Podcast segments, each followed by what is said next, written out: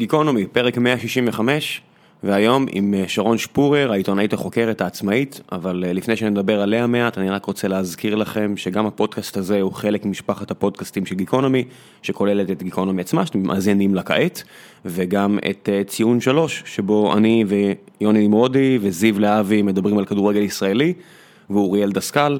אה, שמנחה איתי את אה, בכל יום נתון, שזה אותה התוכנית רק על ספורט עולמי ועם אופי שונה. אז בעצם זו לא אותה התוכנית, אבל זה חלק ממשפחת הפודקאסטים שלנו, אז אנחנו גאים לספר לכם עליה. וכמובן שיש לנו גם נותן חסות לתוכנית הזו הפעם. וכמו בתוכניות האחרונות, זה שוב המופע של ג'ים ג'פריס שמגיע ארצה ב-16 בינואר. אנחנו נשאיר לכם אה, לינקים לקניית כרטיסים בהנחה, יפה למאזיני הפודקאסט, אני אשים לכם גם לינקים לקטעים של אה, ג'פריס מהמופע הקודם שלו, בנטפליקס תוכלו לראות כמה מופעים אחורה למען האמת, וחשוב להגיד שזה מופע חדש.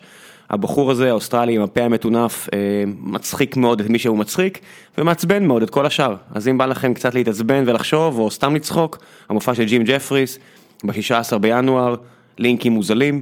ועכשיו אה, לפרק עם שרון שפורר, שדיברנו בעצם על המון על לשכת עורכי הדין, ועל תביעות השתקה, ועל איך זה להיות עיתונאי עצמאי בארץ. ספוילר, מפחיד מאוד לגבי כל התשובות האלה. אה, ועל דוד אה, דגמי, סוחר אנשים שהפך להיות אל נדל"ן. ועל למה צריך להגיד כביכול ליד כל אחד מהמילים האלו. שלל נושאים. היה מרתק לשמוע משרון שנמצאת במוקד התקשורת בארץ, בטח עם, עם כל מיני אה, ריבים תקשורתיים מפורסמים שהיה לה עם רני רהב ואחרים, אז דיברנו גם על רני רהב. בסך הכל היה מאוד מאוד מעניין. אז תהנו.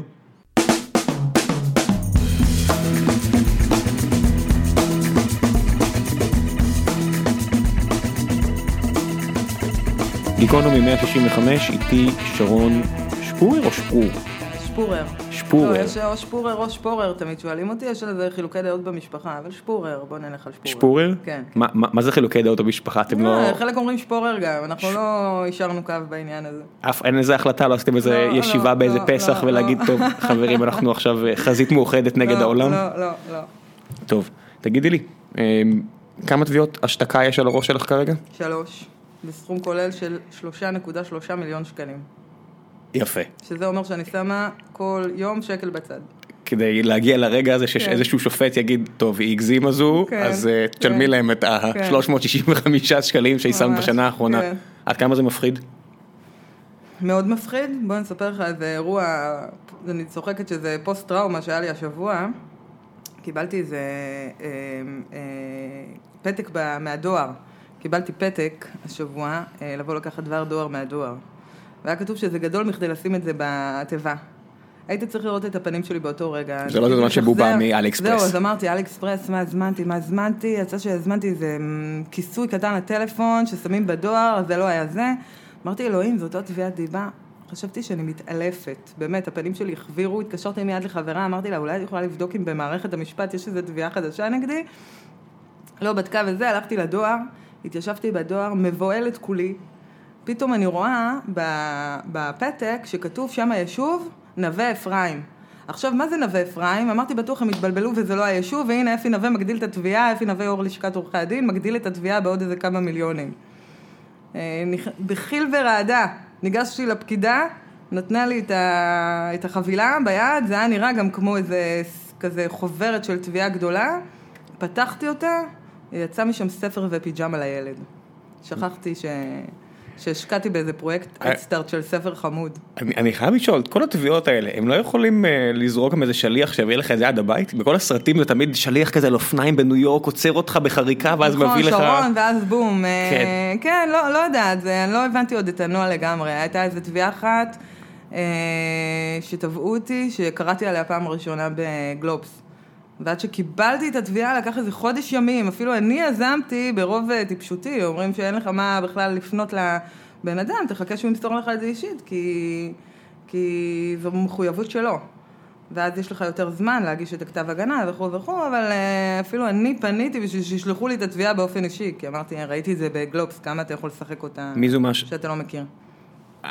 אני לא יודע, את אומרת את זה, אבל אני בטוח שגם לך זה חדש סך הכל, את לא הרבה שנים במשחק הזה לא. של אה, עיתונאות חוקרת שאת המטרה ולא עיתון כלשהו שמגן עלייך. לא, אני, אני בעיתונות חוקרת כבר הרבה שנים, אבל בשנתיים האחרונות, בוא נגיד ביתר שאת, או בשנה האחרונה, שם, שבשנה האחרונה בעצם הוגשו נגדי עוד שתי תביעות דיבה על כתבות שכתבתי, אה, אני התחלתי להתוודע למערכת המשפט באופן כללי, והמערכת הזאת משוגעת, פשוט משוגעת. מה למשל?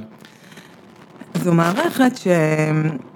שהיא קצת, אה, לאנשים שלא משפטנים, אני אתקן. לאנשים שלא משפטנים, אה, אתה פתאום מגלה את ההתפלפלות המשפטית שהרבה פעמים מרגישה מאוד מנותקת מ... מהמציאות שלנו. עכשיו, הרבה אנשים למשל חושבים, אני אתן לך דוגמה, הרבה אנשים חושבים שתביעות אה, דיבה, אני קוראת לזה תביעות השתקה, בסדר? בואו נעשה סדר. אה, הרבה אנשים חושבים שתביעות השתקה זה, זה אוקיי, אמרת אמת, יופי, אין לך בעיה. לא דיברת אמת, אה, בעיה שלך, תשלמי. אה, נגיד, ואז מסתכלים על הסיפור של יגאל סרנה, שנתניהו תבע אותו על כך שהוא כתב ששרה נתניהו העיפה את אה, נתניהו מהאוטו באמצע הלילה עם אה, כל השיירה של, שליוותה אותו, ועצרה את כל השיירה. ושם באמת הוא לא הצליח להוכיח את זה, וגם לא, הוא באמת עשה עבודה עיתונאית מהבחינה הזאת לא טובה. הוא אמנם פרסם בפייסבוק, אבל הפייסבוק זה אנחנו העיתונאים. אז uh, צריך להקפיד גם בו, והוא לא וידא את הדברים עד הסוף, אז אני לא יודעת אם בסופו של דבר, אגב, זה אמת או לא, אבל בוודאות הוא לא הצליח להוכיח את זה, והוא לא עשה את הבדיקות שנדרשות קודם בשביל לעשות את זה, אז זה דבר אחד, אבל לא תמיד uh, תובעים אותך והשאלה היא אמת או לא. אז נגיד uh, סוחר אנשים דודו דיגמי, שיש לו חברת נדל"ן שקוראים לה אורבן נדל"ן, הגישו נגדי תביעה של 1.7 מיליון שקלים. את לא מעגלת? זה לא איזה 163, משהו כזה? כן, יש מצב, אני מעגלת. 70 אלף שקל, מה זה כן, משנה? אוקיי. והתביעה הזאת היא, היא, אם אני ככה נותנת לה שורה תחתונה, היא מדברת על פוסט שכתבתי בפייסבוק, ובו קראתי לחברה מפוקפקת. זאת אומרת, אין כאן טענה של משהו אמיתי או לא אמיתי, הוא לא טוען אני לא סוחר נשים, הוא לא טוען החברה לא שלי, הוא לא טוען או החברה לא, לא הייתה שלי, עכשיו הוא טוען שהוא כבר לא בחברה. אבל למועד אני מדברת כתיבת השורות האלה. הוא לא טוען שום דבר שהוא בגדר אה, טעות. הוא לא טוען לטעות בדברים שלי, הוא טוען למילה מפוקפקת. הוא אומר, את לא יכולה לכתוב על חברה שהיא מפוקפקת, אני מפוקפק, החברה לא. עכשיו כאן כבר יש איזה עניין משפטי, אני אומרת, הוא מנהל של החברה, הוא יושב בה כנושא משרה, אה, הוא הביא את הכסף של הסחר בנשים לחברה, כי לא ברור מאיפה עוד יכול היה להגיע כסף, כי הבן אדם הזה הגיע משכונת מצוקה, וכל חייו זה מה שהוא עשה, ובן לילה הפך מסוחר נשים לאל נדל"ן. ואני אומרת גם, אני גם אראה שהחברה עשתה דברים אה, בעייתיים. אז פה אין עניין של אמת או לא אמת, או אני אתן לך דוגמה עוד יותר אה, מדהימה, שזה לשכת עורכי הדין, ששם זה אפילו דוגמה יותר מדהימה מזו, כי אם כאן יש לו איזה עניין משפטי, שבית המשפט יצטרך להידרש לזה, אז, אה, אז בתביעה של לשכת עורכי הדין ואפי נווה נגדי, אין בכלל שום טענה לטעות עובדתית. אין, בכל הכתב, הם לא טוענים שפרסמתי משהו שהוא לא נכון. הם טוענים לרוח של דברים, ועל זה אוקיי. אני לא, לא, לא יכולה, אתה יודע, ואז אתה מגיע לבית המשפט ואתה מוקף בהמון המון פלפולים משפטיים והליכים משפטיים ועורכי הדין מדברים ואני לא תמיד מבינה בכלל על מה הם מדברים, מה, על מה הם מדברים, אני לא מבינה מה הם רוצים בכלל. אתה מבין? זה ההיתקלות של בן אדם שהוא לא משפטן במערכת המשפט. אני אשאל שאלת טעם, mm-hmm. הם מבינים? כל העורכי דין שמכירים את המקרה, כולם יש דעה מוצקה לגבי, או, או לפחות דעה מבוססת משפטית על מה קורה פה בכלל? זה מותר, זה מותר הדברים האלה? זה הגיוני שזה ככה? אמ, עובדה שהתיק הזה מתנהל בבית משפט, והוא אמור להתחיל להתנהל, זאת אומרת עכשיו אנחנו כל מיני הליכים מקדמיים וגם נשלחנו לגישור, ו... אבל, אמ, אבל כן, יש התפלפלות שלמה סביב הדבר הזה. בגישור את אמורה לשבת איתם באותו חדר ומה? ומה אמור לקרות? אני לא יכולה לדבר ספציפית על גישור כי זה ממש אסור, אבל שנייה, אבל... על התהליך עצמו, לא, לא, אני, לא... אני, כן, אני אדבר באופן כללי על גישורים. כן, הכל פה זה באופן כללי כמובן. גישור זה אה, דבר שבעיניי הוא מאוד בעייתי, הליכי הגישור בכלל בישראל, אה, וזה גם למדתי על בשרי. כי מה שקורה זה שבתי המשפט אין להם סבלנות ואין להם כוח בכלל לדון במשפט שלך, זה לא רק בתביעות השתקה, זה באופן כללי. אז הם לא רוצים, רוצים שתסגור את זה מחוץ למשפט, מחוץ לבית המשפט, ותסגרו את זה ביניכם ותעזבו את המערכת בשקט, יש לנו, מבחינתם הם טוענים, יש להם עומס גדול, הם לא, לא מסוגלים לדון בשום דבר, אפשר להבין למה הם רוצים לשלוח את זה החוצה, ואז נוצר איזה עולם שבו יש מגשרים, עורכי דין ושופטים בדימוס שמרוויחים הרבה מאוד כסף מכל ההליך הזה, ויש את הצדדים שמגיעים לגישור. עכשיו, במקרים של תביעות השתקה, אה, ממה שאני נתקלת בו, אני עומדת מול, אה, מול, אה, מול בעל הון או אדם שיש לו כסף, גם אם לא בעל הון קלאסי, ולי אין כסף להליך הזה. והגישור תמיד מתנהל ברוח הזאת, למה, למה את צריכה את זה? מה, מה את צריכה את זה? את בן אדם בלי... את, את רוצה להיפטר מהמשפט, את לא רוצה להמשיך את המשפט, זה עולה הרבה כסף, נכון? כן, אבל אין לך כסף לשלם לו. לא, אבל אוקיי, הגענו לגישור. נגיד, במקרה של לשכת עורכי הדין, השופט חייב את הלשכה לשלם. בסדר? על הגישור. אבל אני אומרת, הגעתי לגישור, יש מולי או סוחר נשים עם הרבה מאוד כסף שהפך להיות אל נדל"ן כאמור, או לשכת עורכי הדין, או בן אדם אחר. ואז אה, אני ניצבת שם בלי כסף, עם הליך מאוד מתיש, צריכים להבין את זה שהבעיה בהליכים האלה היא לא הסוף שאתה מפסיד כסף, כן או לא, אלא כל התהליך עצמו, לשלם לעורך דין, אני תכף אדבר גם על זה בהקשר שלי, אבל בעיקרון, באופן כללי, אתה משלם לעורך דין, אתה מקצה הרבה מאוד זמן מהזמן שלך, אני ממש יושבת לפעמים שעות על תביעות ועל כל מיני הכנת שאלונים ו- והכנת כתב הגנה וכל מיני מסמכים, וזה. ממש לעשות תפקירים מחדש. ועומס נפשי. ו- שנייה, וגם עומס של זמן שאין לי, גם uh, כסף לשלם לעורכי דין, גם עומס נפשי מאוד מאוד גדול, כי בתביעות זה גם דבר שאנשים לא מבינים. אתה כל הזמן אה, נמשך לדברים האלה. נגיד יש פרק זמן של שקט ופתאום יש עוד איזה החלטה ועוד איזה גילוי ועוד איזה משהו שמתעורר בדרך ואתה נשאב לזה נפשית ופתאום זה משתק אותך עוד איזה כמה ימים. אז... אה, ואז אתה ניצב בגישור ואתה אומר, כולם אומרים לך, אבל למה, מה מסביב, מה, תגמרי את זה בגישור. תגמרי בגישור, יצא בסדר ותגמרי בגישור, לא תצטרכי לשלם כסף, לא שום דבר, אתה יודע.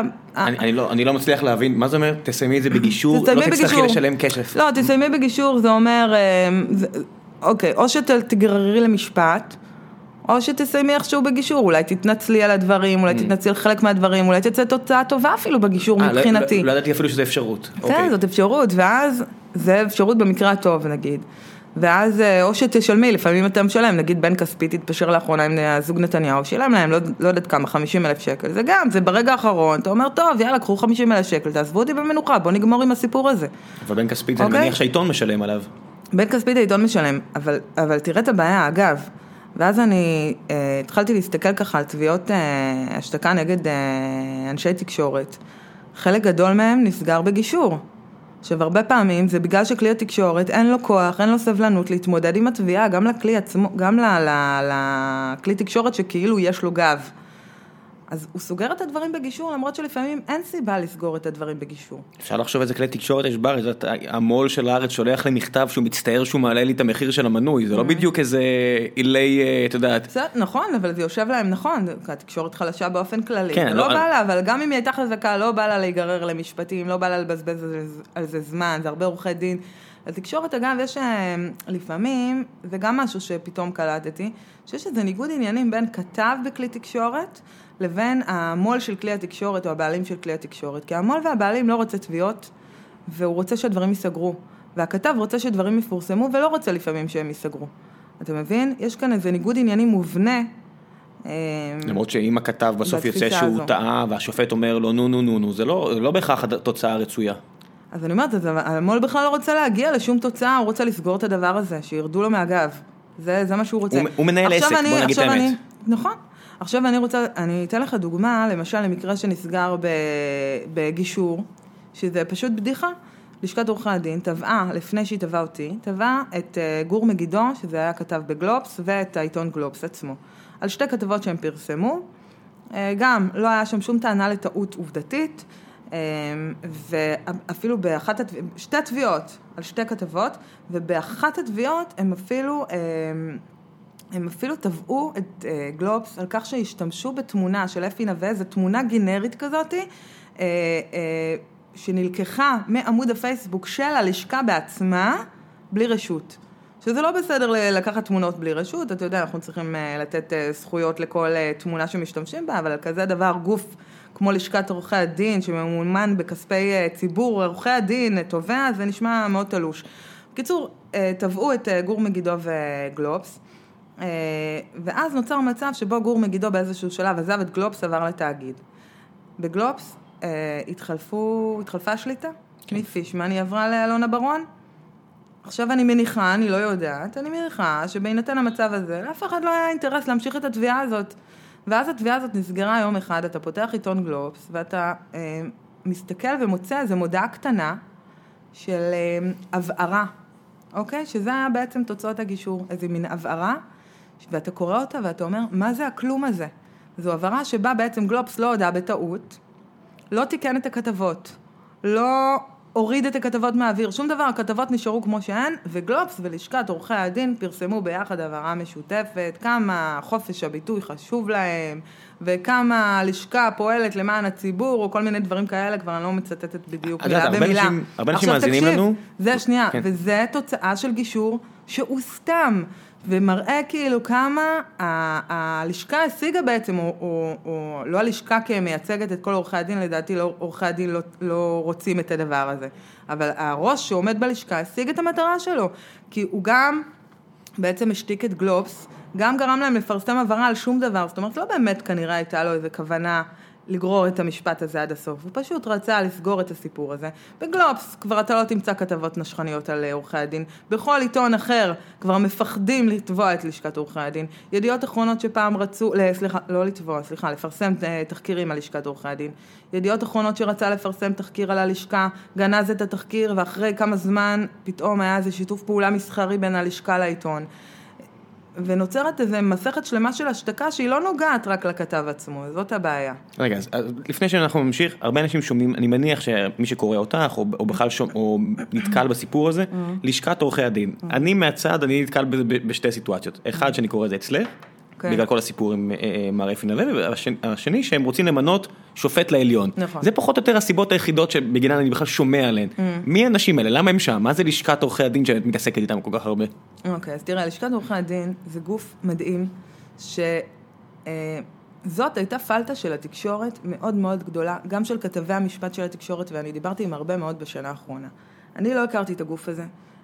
נתקלתי בו אחרי שראיתי איזה, ראיתי איזה סרטון שברק כהן, אה, מי שהוביל את המחאה של באים לבנקאים, עדיין מוביל. איזה יום, כן, עדיין מוביל, פרסם סרטון על העניינים שהיו לו איתם אה, עם ועדת האתיקה, בנוגע לוועדת האתיקה שלבסוף אה, שעתה לו את הרישיון. וראיתי שהוא מעלה פוסט על כל מיני אנשים שישבו בוועדת האתיקה ודנו בעניינו שקשורים לבנקים.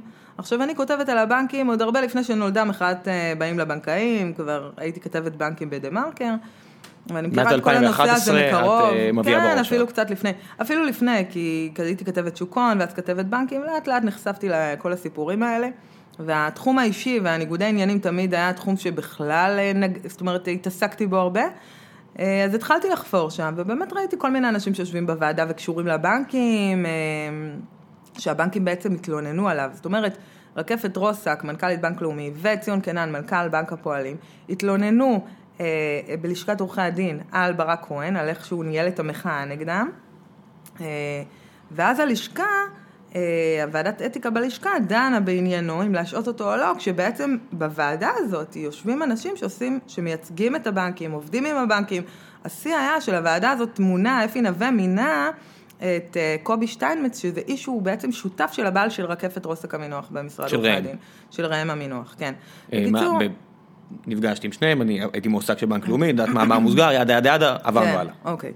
אז אמ, בעצם, אותי זה עניין, התחלתי לחפור בלשכה, גיליתי גוף שלא מתעסקים בו מלבד פעמיים בשנה באמת, או, או פעם בכמה זמן, כשצצים כל מיני מינויים לעליון, וכשיש בחינות התמחות. ועכשיו אנחנו רואים את כל הסיפור של המתמחים אה, מגיע לשיא, אבל למעשה זה כבר שנים. כל פעם הכתבי משפט היו מדווחים, ככה וככה אחוזים עברו בבחינה, ככה וככה כן, אחוזים עברו. כן, נהיה כתבה רגילה כזאת. זה כתבה של סתם, של שום דבר. הייתי מדברת עם כתבי משפט, דיברתי עם כתבי משפט בשנה האחרונה, ואתה יודע, אני נדהמתי ממה שהם אומרים לי. הם היו אומרים לי, את מי מעניינת לשכת עורכי הדין? היא לא מעניינת אף אחד. אמרתי להם, אתם רציניים? אומרים לי, כן, מה, אפילו בלשכה עצמה, מתוך 60 אלף עורכי דין, הצביעו איזה 20 אלף אה, אנשים בבחירות, אפילו את עורכי הדין היא לא מעניינת. ואתה יודע, ואני אומרת, לא יכול להיות, למה? כי גיליתי גוף שלא רק מעורב בכל מינוי שופט בישראל, אה, בבתי המשפט, לא רק עליון, מלמטה גם, הוא מעורב, יש לו נציגים בוועדה למינוי דיינים גם, כלומר בכל בתי הדין הרבניים. יש לו נציגים בוועדה למינוי היועץ המשפטי לממשלה, הם גם הגנו על מנדלבליט כששקד רצתה למנות את מנדלבליט לתפקיד. אה, עכשיו זה בפן של השופטים, אבל אז התחלתי לראות מעורבות אדירה שלהם גם בחקיקה בכנסת. אגב, אני הולכת, אה, מחר תשודר אה, תוכנית על המשמר של לינוי בר גפן בערוץ אחד, שגם תעסוק בזה, אני גם נותנת שם איזה חלק קטן של כתבה, ולווה אותה. זה ביום שני, זה היום. אה, זה ישודר אוקיי, יום שני, כן, אז זה היום. כן, אוקיי, היום, וגם אני אעלה כתבה במקביל במקום הכי חם בגיהנום עם עוד חומרים שאני חושפת. הם מעורבים בכל תחום חקיקה אפשרי. יש להם תקציב אדיר, זאת בעצם הגילדה הכי גדולה בישראל. מאיפה התקציב הזה מגיע? אוקיי, אז תקשיב. כמות, מספר עורכי הדין ב-20 שנים האחרונות, לדעתי שילש את עצמו. אמרת 60 אלף? כן, ליותר מ-60 אלף עורכי דין, שמיוצגים על ידי הלשכה, יש עוד כאלה שלא מיוצגים על ידי הלשכה. זאת אומרת, אחד על כל 100 אנשים פחות או יותר בארץ, או 90 אנשים, הוא עורך דין בארץ? משהו כזה, אם יש 8 מיליון, 60 אלף. עשית את החישוב, יש הרבה כן, מאוד משהו כזה, וואו, זה כן, מדהים. כן, עכשיו תשמע, מה שעוד מדהים זה שהלשכה, כשמדינת ישראל הוקמה, או קצת אולי אחרי, או קצת לפני, אני לא זוכרת, היה בעצם קצת כנראה לפני, יש חוק, הם, הם מעוגנים בחוק באופן סטטטורי, זאת אומרת, זה, יש להם מעמד חוקי. הנציגות שלהם בכל ועדה, זה נציגות ש, שיש לה אה, תוקף חוקי, זאת אומרת, זה מוגדר בחוק הנציגים האלה, וגם עורך דין לא יכול לעבוד כעורך דין ולהציג את עצמו כעורך דין, אם הוא לא משלם כסף ללשכת עורכי הדין. מהבחינה הזאתי, זה מעמד מאוד חריג, אין דוגמה אחרת לזה. זאת אומרת, אתה יכול להיות חבר ו... בלשכת רואי חשבון, או לא להיות חבר בלשכת רואה חשבון, אבל אתה תהיה רואה חשבון בכל מקרה. עורך דין, אם אתה רוצה להופיע בפני בית משפט או לכתוב שאתה עורך דין, אתה חייב לשלם דמי חבר ללשכת עורכי הדין. איך זה בגילדות אחרות? ומכאן, רופאים? אני אומרת לך, אין כזה דבר. באמת? כן, רופא לא פסיכולוג? חייב. רופא מקבל, מקבל מנגיד, אני מניחה, אני לא מכירה את זה, ממשרד הבריאות רישיון של רופא, והוא יכול לעבוד כרופא גם אם הוא לא נמנה על איגוד מסוים. בלשכה, אותו דבר מהנדס, אותו דבר פסיכולוגים, כל... לא, מהנדס אותו בטוח. דבר, פסיכולוגים? אותו דבר, אותו דבר. אין, לא צריך להירשם איזה. ספר או משהו כזה? אולי אתה צריך להירשם פה, להירשם שם, אני לא יודעת, צריך, יש איזה מקום שמאגד את האנשים שמקבלים רישיונות וחייבים להופיע שם, אבל אין מקום שאתה חייב לשלם לו דמי חבר, ואם לא שילמת דמי חבר, אתה לא יכול לעבוד כעורך דין. זה השוני בין לשכת עורכי הדין? לכל הגופים, יפה. ואז אם נגיד אה, יש להם תקציב של 60 מיליון שקלים בשנה. 60 זה הופך מיליון אותם לגוף שקל? אדיר, כן, 60 מיליון שקלים בשנה, וזה הופך אותם לגוף עם תקציב באמת מדהים. זאת אומרת, אלף שקל מכל עורך דין? כן, משהו כזה, לפעמים יותר גם. כן. אז אתה- לא יודע, תלוי בכל מיני דברים של ותק וזה, וגם ירד להם לאחרונה קצת, אה, אפי נווה הוריד להם קצת את הדמי חבר טיפונת. אה, אוקיי. אבל כן, אנחנו מדברים על. תקציב של 60 מיליון שקלים, והם חייבים לשלם, וגם מכאן הכוח שלו גם יכול להשעות אותם, או לא להשעות אותם בעצמו. אוקיי? מה זה בעצמו? דרך הלשכה. הלשכה גם יכולה להחליט, אנחנו ניקח לך את הרישיון או לא ניקח לך את הרישיון. זה גוף של הלשכה עצמו, אוקיי? עבירות אתיקה זה שונה- אצלהם? כן, כן, עבירות אתיקה זה אצלם, זה מה שאני אומרת לך, ברק כהן נגיד, רצו להשעות אותו, הגישו תלונה ללשכת עורכי הדין, הלשכה פותחת בהליך, יש ועדה, מחליטה אם להגיש קובלנה לבית הדין המשמעתי של הלשכה, יש גם אנשים שיושבים בבית הדין המשמעתי של הלשכה, וקובעים, יש שתי ערכאות של הלשכה, ש, שצריך לעבור, והן מחליטות אם לקחת לך את הרישיון או לא, ואז אם אתה מערער זה יכול להגיע גם לבתי משפט למעלה. אבל הכוח של הלשכה, בקיצור, הוא אדיר, התקציב שלה אדיר, ועם התקציב הזה השמיים הם הגבול, ותשמע, יו"ר לשכת עורכי הדין, אני חייבת לומר לך משהו, הוא בן אדם מאוד חכם. אני בן אדם מאוד, אה, לטעמי, מאוד אגרסיבי, מנצל את הכוח שלו לרעה, אבל ממה שאני רואה, אבל הוא גם בן אדם מאוד מאוד חכם, ואתה רואה את מה שהוא עושה, ואתה רואה את ה... נגיד, ואז, אוקיי, ואז בעצם אנשים חשבו שהלשכה לא מעניינת שום דבר, בזמן שהיא לא, היא קובעת איך יתנהלו הדברים בבית משפט, באמצעות דיל עם איילת שקד, כמו שנחשף בעובדה לאחרונה. היא, היא מתערבת כמעט בכל הליך חקיקה היום, או אני לא אגזים, בהרבה הליכי חקיקה. הלשכה, גם שלא לא קשורים, איילת. כן, הלשכה. גם שלא קשורים ישירות לעורכי דין, אלא משפיעים בעקיפין, למרות שמבחינתם, בראייה שלהם כל דבר קשור לעורכי דין. ו... ובעצם הם התחילו להיות גוף בשנים האחרונות, שמשפיע על הכיס של כל אחד ואחד מאיתנו. ולכן האמירה הזאת של כתבי המשפט לאורך הזמן, שאת מי מעניינת הלשכה, היא הייתה מבחינתי אה, בדיחה. מה, לאיפה הולך עכשיו, 60 אתה מיליון יודע שקל? מה, רגע, באיזשהו רגע, שלב- לאיפה הולך 60 מיליון שקל? מה מה עושים עם 60 מיליון הולך שקל? ללובינג, הולך לאנשים שעושים לובינג בכנסת. משכורות של לוביסטים? כן, כ- כמה כן. לוביסטים יש להם? מה זה, אה, עשרות? מה- על מה אנחנו מדברים? אני אשמור לתוכנית שתשודר היום, לא אבל אני. אגיד לך, יש להם משהו כמו אה, שישה לוביסטים in-house, הם לא אוהבים לקרוא לזה לובינג, הם אוהבים לקרוא לזה קשרי ממשל. יש להם לוביסטית אחת חיצונית שממש רשומה במרשם הלוביסטים, יש להם דובר, יש להם אה, אירועים שהם עושים כל הזמן, אה, הם מפזרים את התקציב הזה לכל אה, מקום. והתקציב, ובאמצעות התקציב הזה בעצם הם מגיש, משיגים כוח. עכשיו, מה שעוד מדהים שגיליתי לאורך הזמן, זה ששום דבר לא שקוף שם בלשכה, שזה כמעט מטורף. אני לא מכירה גוף כזה שמגלגל כאלה תקציבים, למרות שאתה יודע מה, יש עוד אה, הרבה, אבל... נו באמת. שהוא לא שקוף, לא, אני לא מסתכל-. רגע, אני מסתכל פה על הקריה, היא בדיוק בקו הראייה כן, שלי, כן, אני, כן, כן, בסדר, אוקיי. בכפול אלף על מה נכון, שאמרת. אבל, אבל תשמע, זה מדהים, לא מפרסמים, הם לא מחויבים לפרסם שום דבר, לא מפרסמים שום דבר באתר. מאז שאפי נווה נכנס לתפקיד, הפרסומים שלהם אפילו הלכו וקטנו, אם פעם הם פרסמו איזה דוח שנתי שמסכם את הפעילות של הלשכה, ונגעו בו בכל מיני נקודות, עכשיו גם אין את זה, בקושי את התקציב הם פרסמו. אה, אני השגתי המון פרוטוקולים של הלשכה ופרסמתי אותם באיזה מאגר אה, במקום הכי חם בגיהנום.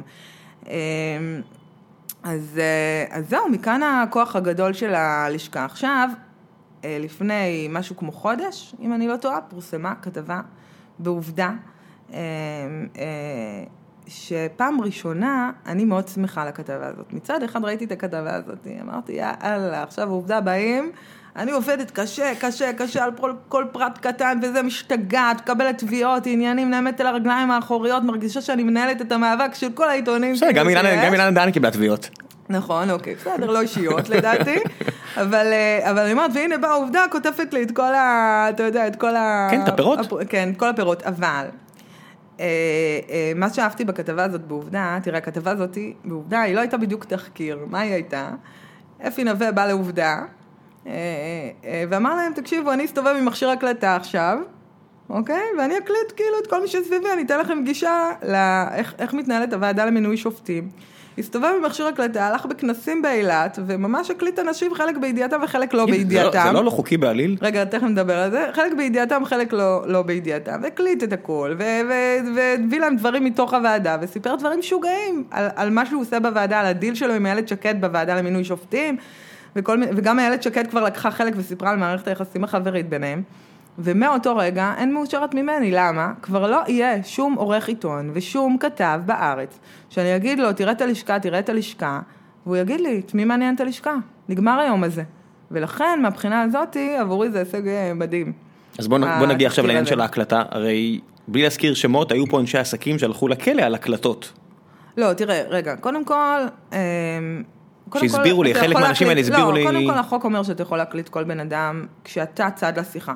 אתה יכול להקליט, זה חוקי. אצל עורכי דין יש עניין אחר. יש, אה, על פי חוק, לעורך דין אסור להקליט עורך דין אחר בלא, בלי ידיעתו, אוקיי? אה, עכשיו, אה, פה זה גם ניואנסים שאני לא הבנתי עד הסוף. כי לאורך השנים אני מדברת לפעמים עם עורכי דין וזה בטלפון, ואני אומרת להם, אבל זה, נגיד, אני אומרת להם, זה משהו שצריך להישאר בינינו, אז אומרים לי, בטח, גם אסור לנו להקליט, אסור לנו לעשות שום דבר וזה. ועורכי דין מתייחסים לדבר הזה של אסור להקליט עורך דין אחר בלא בידיעתו, באופן גורף, הם גם לא מקליטים אנשים בדרך כלל, הם מאוד נמנעים מלהשתמש בהקלטות עורכי דין. ונווה באמת הסתובב שם עם הקלטה והקליט המון אנשים, הקליט למשל שופטים, שאת זה אני יכולה להגיד לך באופן אה, אה, אה, נחרץ, שזה היה ב- לא בידיעתם, כי קיבלתי על זה תגובה מהנהלת בתי המשפט. אבל שופטים, אה, הם לא עורכי דין. זאת אומרת, הם, הם כן חלק עורכי מהם דין. כן. הם כן, אבל כשהם הופכים להיות שופטים, הם לא פורמלית עורכי דין. אה, הם מחוץ זה- ללשכה? כן, הם מחוץ ללשכה, יש איזה... הנה, חוסכים אלף שקל. כן, ממש ככה. מקבלים כסף מהציבור, חוסכים אלף נכון. שקל, יפה. ולכן, גם אם זה לא אה, נחשב, ראיינתי איזה מומחית בתחום הזה, ואמרה, גם אם זה דבר לא אתי, זה לא, לא אתי מבחינת החוק של אה, לשכת עורכי הדין, אוקיי?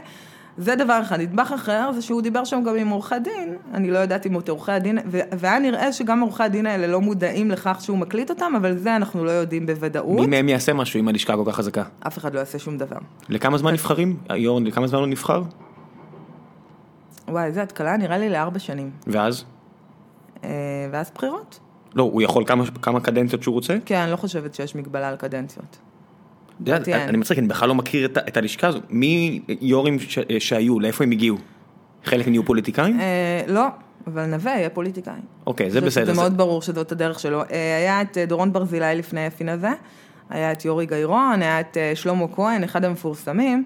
אגב, עוד דבר שאני אגיד לך על זה, זה שלאורך כל השנים לשכת עורכי הדין הייתה גוף חזק. תמיד היה גוף חזק ומעורב פוליטית, ו... אבל אה, אפי נווה פשוט הביא את זה לשיא, גם בתחכום שלו ובאופן שבו הוא מנצל את המעמד הזה, וגם בגלל שהתקציב כל כך גדל.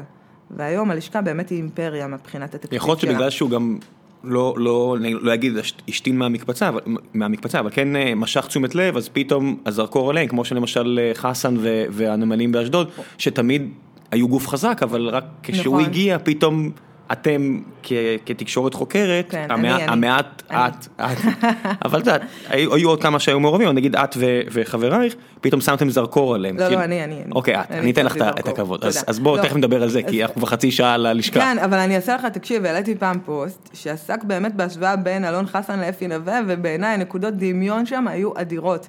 כי אה, באמת, כשכתבתי פעם ראשונה על אה, אלון חסן והעסקים שלו בנמל, זה היה ב-2011, אף אחד לא הכיר את השם של אלון חסן. הכירו את, ועד, את אה, עובדי נמל אשדוד, אף אחד לא ידע מי זה חסן. אותו דבר על אפי נווה, כשכתבתי עליו תחקירים, אף אחד לא ידע מי זה. נקודת דמיון נוספת, ששניהם מייצגים בעצם, מתיימרים לייצג עובדים. אחד צווארון כחול בנמל, אחד צווארון לבן, עורכי דין, ושניהם, אני אומרת לך, בפועל, דואגים הרבה מאוד, זאת אומרת, במטוטלת של בין לבדוק, לדאוג לכלל העובדים לבין לדאוג למקורבים שלהם, דואגים מאוד למקורבים. באצטלה של דואגים לעובדים. ככה פירמידה עובדת, אתה יודע, אתה דואג לשכבה נכון, מתחתיך, שהם צריכים לדאוג לשכבה מתחתיהם. נכון, בדיוק ככה. ואיזה עוד דוגמאות היו לי שם ל... לעניין הזה? אוקיי, אני אגיד לך. ובזמנו שחשפתי את חסן, אז הוא כיכב על השער של הארץ, של מוסף הארץ, יום שישי, אני חושבת שזאת הייתה הכתבה הראשונה שלי של שער מוסף, ו... הייתי בטוחה, יומיים אחרי זה קמתי ביום ראשון בבוקר, אמרתי, אין, המדינה על הרגליים, כאילו הוא נעצר, המשטרה והאוצר וזה, כלום, נאדה, לא קרה שום דבר. לא רק שלא קרה שום דבר, הבן אדם, הייתי פונה כל הזמן לקבל תגובות ממשרד האוצר, מרשות החברות הממשלתיות, משרד התחבורה, מרשות המיסים, מאיפה שאתה לא רוצה, כולם נפנפו אותי, השתגעתי. לא רק שלא קרה שום דבר, הוא הלך והתחזק, והתחזק, והתחזק. זה באמת כבר היה, זו תחושה של בן אדם שאי אפשר לגעת בו. רגע, אבל באותו זמן במקביל היה משהו עם רונל פישר, נכון? לא, לא, זה עוד לא היה משהו. זה עדיין לא היה במקביל? המשטרה לא... לא. והוא התחזק, התחזק, התחזק. ו, ו, ואותו דבר, אגב, נווה, אני כותבת, כותבת, כותבת, אני, אני בטוחה שאנשים יזדעזעו ושום דבר לא קורה והם רק גדלים. למה הם גדלים? כי אומרים, וואלה, כל כך הרבה דברים מתפרסמים עלינו, זה אומר שאף אחד לא יכול לגעת כן, בנו. מולי סגל גם... היה פה, שאלתי אותו אם הוא לא מרגיש שהוא מחזק את איווט ליברמן עם כל החיקויים האלה, כי פתאום כל הציבור נחשף, אז הוא mm-hmm. אמר, כן, זה הסכנה בלעשות את זה גם. נכון, נכון, זה באמת עובר לך בראש שאת קצת מעצימה אותם? מה אני אמורה לעשות? זאת אומרת, אם מעצים אותם לכתוב על זה שהם לא בסדר, אז מה... מה עוד אני יכולה לעשות? אבל אני כן חדורת אמונה שבסופו של דבר, חכה, כן. כן קורה עם זה משהו. וחסן הוא דוגמה טובה, כי באמת אמרתי לך, הוא הלך והתעצם, התעצם, התעצם, עד שהיה אינטרס מאוד ברור לפוליטיקאים להזיז אותו מהתפקיד. הם כבר היו חייבים אה, לקדם את הרפורמה בנמלים, לא הייתה ברירה, ופתאום, כץ, חיים, אה, ישראל כץ, שר התחבורה, ושלי יחימוביץ' אפילו, פתאום החליטו להתהפך על חסן יום אחד, כשהם רוצים לקדם את הרפורמה הזאתי. ואז פתאום, יום אחד אני פותחת ערוץ 2, צופה בכתבת תחקיר בחדשות אה, יומן שישי, או לא יודעת איך קוראים להם שם, אולפן שישי, של עמליה דואק ויוסי מזרחי, על העסקים הפרטיים של אלון חסן בנמל אשדוד, כל מה שאני עבדתי עליו כמו נמלה, הגיע אליהם בדוח של רשות החברות הממשלתיות, קחו תפרסמו. פרסמו את זה, רעידת אדמה. זה עוד לפני רונל פישר. אבל זה ההבדל, ואז, חכה, אבל זה בדיוק ההבדל. חכה, התחילה חקירת משטרה נגד uh, חסן, ואז אה, כבר נכנס כל הסיפור של רונל פישר וזה, והתפוצץ. אני אגיד לך מה, אבל את הולכת ממקום אה, מוסרי גבוה, והרבה פעמים mm-hmm. מה שאנשים רוצים זה, תראה לי איך הוא פגע בי. אנשים חושבים על עצמם נרקיסיסטים. לא, לא, אני הראיתי איך הוא לא, פגע. לא, זה אומר, אז תראי, לא, לא רק בי, תראי לי, כאילו, העובדים הקטנים, ברגע שהוא יוצא גיבור... אני הראיתי איך הוא פגע בעובדים הקטנים בתחקיר, זה היה בדיוק העניין הזה, איך הוא מנהל עסקים פרטיים על חשבון העובדים הקטנים, ולא רק זה. לא, דווקא זה כאילו חלק, משהו שהוא, אני תמיד מקפידה עליו, שאתה לא תמצא במקומות אחרים. תמיד תמיד אני כותבת מנקודת מוצא של איך הבן אדם משפיע על הכיס של כולנו. זה תמיד מעניין אותי, זה מהימים הראשונים שלי בדה מרקר, זה משהו שלמדתי לא, שאני צריכה אומר, לעשות, שנייה. אבל רולניק תמיד אומר שאם את אומרת אה, על כולנו, כולנו מפוזרים. אם איך הוא פוגע ב-60 אלף, 60 אלף, זה כבר... זה אבל כבר... הראיתי, לא רק שהראיתי איך הוא פוגע חסן בזמנו, כן, בעובדי כן. הנמל, בגלל ההתנהלות שלו, גם הראיתי איך הוא פוגע בכיס שלך, כי על כל איום בשביתה איטלקית, שהיא נועדה סתם בשביל כאילו כלום לפעמים, אתה יודע, הספה שלך מתעכבת. הסוכר שלך מתעכב, כל דבר מתייקר. הכל, אחוז עצום וכל מגיע העיכוב מהים, הזה, כן. ה- ה- ה- ההתייקרות של הדברים מגולגלת אליך, לא לאף אחד אחר. ולכן הראיתי את זה. אבל לא משנה, זה לא עזר, בסופו של דבר זה עזר כשהפוליטיקאים רצו להעיף את חסן והוא הפריע להם בדרך. מהבחינה הזאת חסן צדק, הוא גם אמר את זה כמה פעמים, שעכשיו יש איזה אינטרס פוליטי להזיז אותו. זה נכון, אני מסכימה עם חסן בעניין הזה, היה אינטרס, ולכן הדוח הזה הודלף, ולכן פתאום הם החליטו לעשות משהו, ואז התפוצץ בערוץ 2, ואז חקירה, וגמרנו. עכשיו אני מאמינה, באמת ובתמים, שיום אחד, גם הסיפור, הבלון הזה של אפי נווה, שמתנפח ומתנפח, יתפוצץ, ככה אני חושבת. זאת אומרת, אמ, גם אם, הדבר, גם אם דברים לא קורים באופן מיידי, לוקח להם זמן, וזה קורה בסוף. במיוחד, אגב, אם הוא יפנה לפוליטיקה, ושם, אתה יודע, כבר יהיו לו אויבים, אף אחד, זאת אומרת, יהיו לו אויבים שירצו לעשות משהו. כן, ראינו את זה עם פואד, את יודעת, כל השנים היו התלחששויות, ורק ברגע שהוא רצה להגיע לתפקיד ממש ענק, אני מניח שמישהו העביר מעטפה למישהו אחר וזה, וזה נגמר. כן, לא, לא יודעת אם שם זה הלך, תראה, פואד, אה, נו מה, יש- יש אה, אנשים ש- צלח את הכל, פואד, עד הרגע האחרון, אני לא יודעת איך... אה, כן, אתה אבל. בסוף זה התפוצץ. בסוף התפוצץ, כן. כן, את יודעת, אני, אני רואה אנשים כמו, כמו ליברמן, אנחנו מדברים על עובדה, כן. יש לה ילדה, בת כלום בפיתה, כן. מיליוני דולרים בייעוץ. נכון. עכשיו אני יודע, הבאתי ייעוץ בחיי, אני יודע שזה לא ככה, כן. לכולם ברור שזה לא ככה, כן, לא, זה גם קיבלה כסף מאנשים שהיו קרובים לאבא שלה. והיא לא מכירה אותם. כן, כן, אוקיי. את- יודעת, למראית עין זה נראה כאילו הבן אדם צריך להיות בכלא. כן. בסדר, למראית עין, אני לא אומר שום לא, דבר לא, מעבר. לא יודעת, כן, אבל זה נראה לא טוב. לא, זה נראה לא כן, טוב. עכשיו כן. אני אומר, הייתי בטוח שברגע שהוא יקבל תפקיד כזה מרשים כמו שר ביטחון, מישהו כבר ימצא איזושהי הוכחה ויעביר, אבל זה לא קורה. כן. אני לא יודע, אתה יודע, התיאוריה שלי פה קצת, קצת אני פוגע בתיאוריה של עצמי, אבל אני מניח שמתישהו יש איזשהו יריב פוליטי, שיש לו יכולת להשפיע על אנשים חזקים, אני יודע. כן. אה, אז מישהו כזה כמו אפי נווה, אני לא בטוח אם חכם לו ללכת לפוליטיקה, אני חושב שהרבה אנשים כאלה, אולי זה הסיבה שאנחנו לא שומעים על כל הראשי לשכה לשעבר. אולי מבינים שאתה יודע, שאתה משחק מלוכלך, עדיף להישאר בצללים. לא יודעת, לא יודעת, אבל אה, עושה רושם שזאת הדרך שלו, יודעת, ככה מדברים מסביב. אני, אני קורא את הדברים שאת כותבת, ואחד הדברים שהכי אה, בולטים לי זה אנשים כמו למשל אה, ציון קינן, שוב אני נשאר פה רק בעובדות, לא נכנס לשמות מנכ"ל גנאי, בנק הפועלים, כן. כן, מנכ"ל בנק הפועלים לשעבר, שוב גילוי נאות, עבדתי אצל המתחרים תקופה קצרה, יחסית, לא יודע מה, whatever, צריך להגיד, אני אסתכל ואני אומר, איך אתה, מה, אוקיי, גם סרוסי היה פה בפודקאסט, שוב, גילוי נאות, yada yada yada, אה, כן, לא ידעתי. כן, כן, אני אומר, מה איך הוא את- בא לדבר? על מה הוא בא לדבר? אה, זה היה כזה פרק קצר, זה היה חלק מהרבה אנשים שהגיעו, וזה היה הרבה לפני כל הדברים האלה, Mm, אוקיי. אה, איך- זה היה כן, אוקיי. וואטאבר. טוב. והייתי מביא אותו עכשיו שוב. הוא הרבה יותר סימפטי מציון. הוא סימפטי, לא, אתה יודע, הרבה אנשים הם סימפטיים, אני זה שהם סימפטיים לא אומר שהם לא עושים נזק, אתה יודע, סרוסי, אני אגיד לך שציון... בשתיקתו, כן, אני אגיד לך שציון קינן, כן. סתם, אני לא אציין עם מי דיברתי, אבל כולם אמרו, הוא קצת רוכל בשוק, הוא לא, והם הוסיפ- הוסיפו מילים לא יפות, אבל הוא לא היה בן אדם כזה אהוב במערכת. הוא קצת... אני אה, לא יודעת אני רק לא מבין איך, זה מי נכון, ממנה, הוא מי ממנה מאוד- למנכ"ל בנק מישהו שהסיכוי, את יודעת, אני מסתכל על כל התחקירים עם, עם הדנקנרים וכל הדברים האלה, אני אומר, מי ממנה אה, אדם כזה שיש שובל של צחנה אחריו? שאנחנו קוראים דנקנר, מי? ממנה? ממנה נוחי דנקנר, ממנים, אה, ממנה שרי אריסון, זה מי שממנה. זה לא מבין. חותמת סטמפה של בנק ישראל, זה מי שממנה. אבל איך אתה לא מפחד שזה ידבק בך הריח? מבחינתם לא הייתה צחנה, הם התעלמו מהצחנה. אבל היא לא שם. הם התעלמו אבל היא שם. כן, היא שם. איך הם לא, איך אתה לא עושה אחד ועוד אחד שזה סתם, בסופו של דבר אתה יכול להגיע לכסף, אתה יכול להגיע, אבל אם אתה נחשב שנוא, ואני רואה את זה עם האנשים האלה, יודעת, אני, אני הייתי בלאומי, Mm. שאתה נחשב לאחד הארגונים הכי שנואים בארץ, זה לא מקום שכיף להיות בו. כן, רגע, ואני חייבת להגיד לך משהו על מה שאמרת על אה, ציון קנן ורוכל בשוק. אני אה, דווקא רוצה להגיד משהו אמרו לי את זה עליו, אני לא אמרתי. שאמרו לך עליו. כן. אני רוצה להגיד לך משהו דווקא אה, שונה, דווקא בעניין הזה. שציון קנן, אני חושבת שחלק גדול מה... זאת אומרת, נכון שציון קנן שונה בנוף של הבנקאים המסורתיים. דני דנקנר בטח שהיה שונה בנוף. אבל גם אה, ציון קנן, מהבחינה הזאת שהוא לא מעונב, זה לא, אה, הוא לא בא מה... הוא לא בא מהמקום הטבעי של... הוא לא אולד מאני, הוא לא אשכנזי הוא לא אולד מאני אולד רמת השרון, לא. נכון, ונכון. בוא נגיד את האמת. וחלק מהאנשים ששונאים אותו מסביב, את ציון קנן, גם לצערי, לוקים בגזענות מאוד קשה. ו- ולכן הם גם קוראים לו רוכל בשוק, ו- ו- והרבה פעמים היו שולחים לאנשים שהולכים למידע וקוראים לו ציון אה, וקנין, כי זה השם ה- המקורי שלו, ותמיד אני מריחה שם את הריח הזה, המתנשא והבלתי נסבל, שזה מעצבן אותי, למרות שאני רוצה לבדוק את המידע, אבל זה מעצבן אותי שהם קוראים לו ככה. כן, זה שם, אז זה לא, אז שם. קנן היה בן אדם חכם, לא, לו- והוא קילל הרבה, בוא נגיד את האמת, זה מגיע מ... זה לא אני לא הגיע לקחתי מ... קללות שלו, הוא היה בן אדם, נכון שהוא היה בן אדם, אני אישית לא חיבבתי את האיש אני. באופן אישי, אבל אני לא, לא שמעתי על קללות, אבל הוא דווקא היה בן אדם מאוד חכם.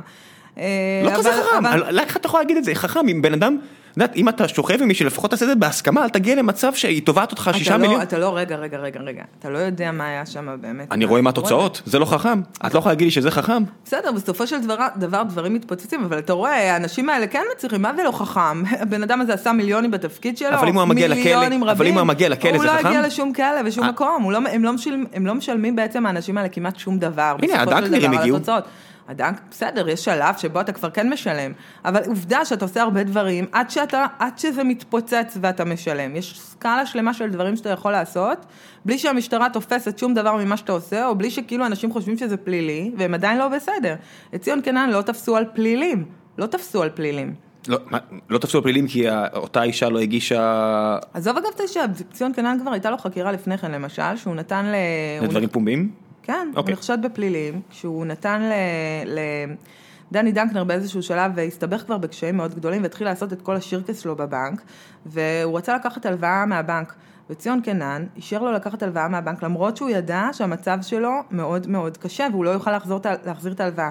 ובכלל קנן היה מעמיד הרבה אשראי לכל מיני גוף, אנשים שהיו מקורבים אליו ול, ולבכירי בנק הפועלים. באופן ש... בוא נגיד בנק ישראל קבע בעבר באופן ש, שנגד את הנהלים, או היה אשראי לא כמו שצריך.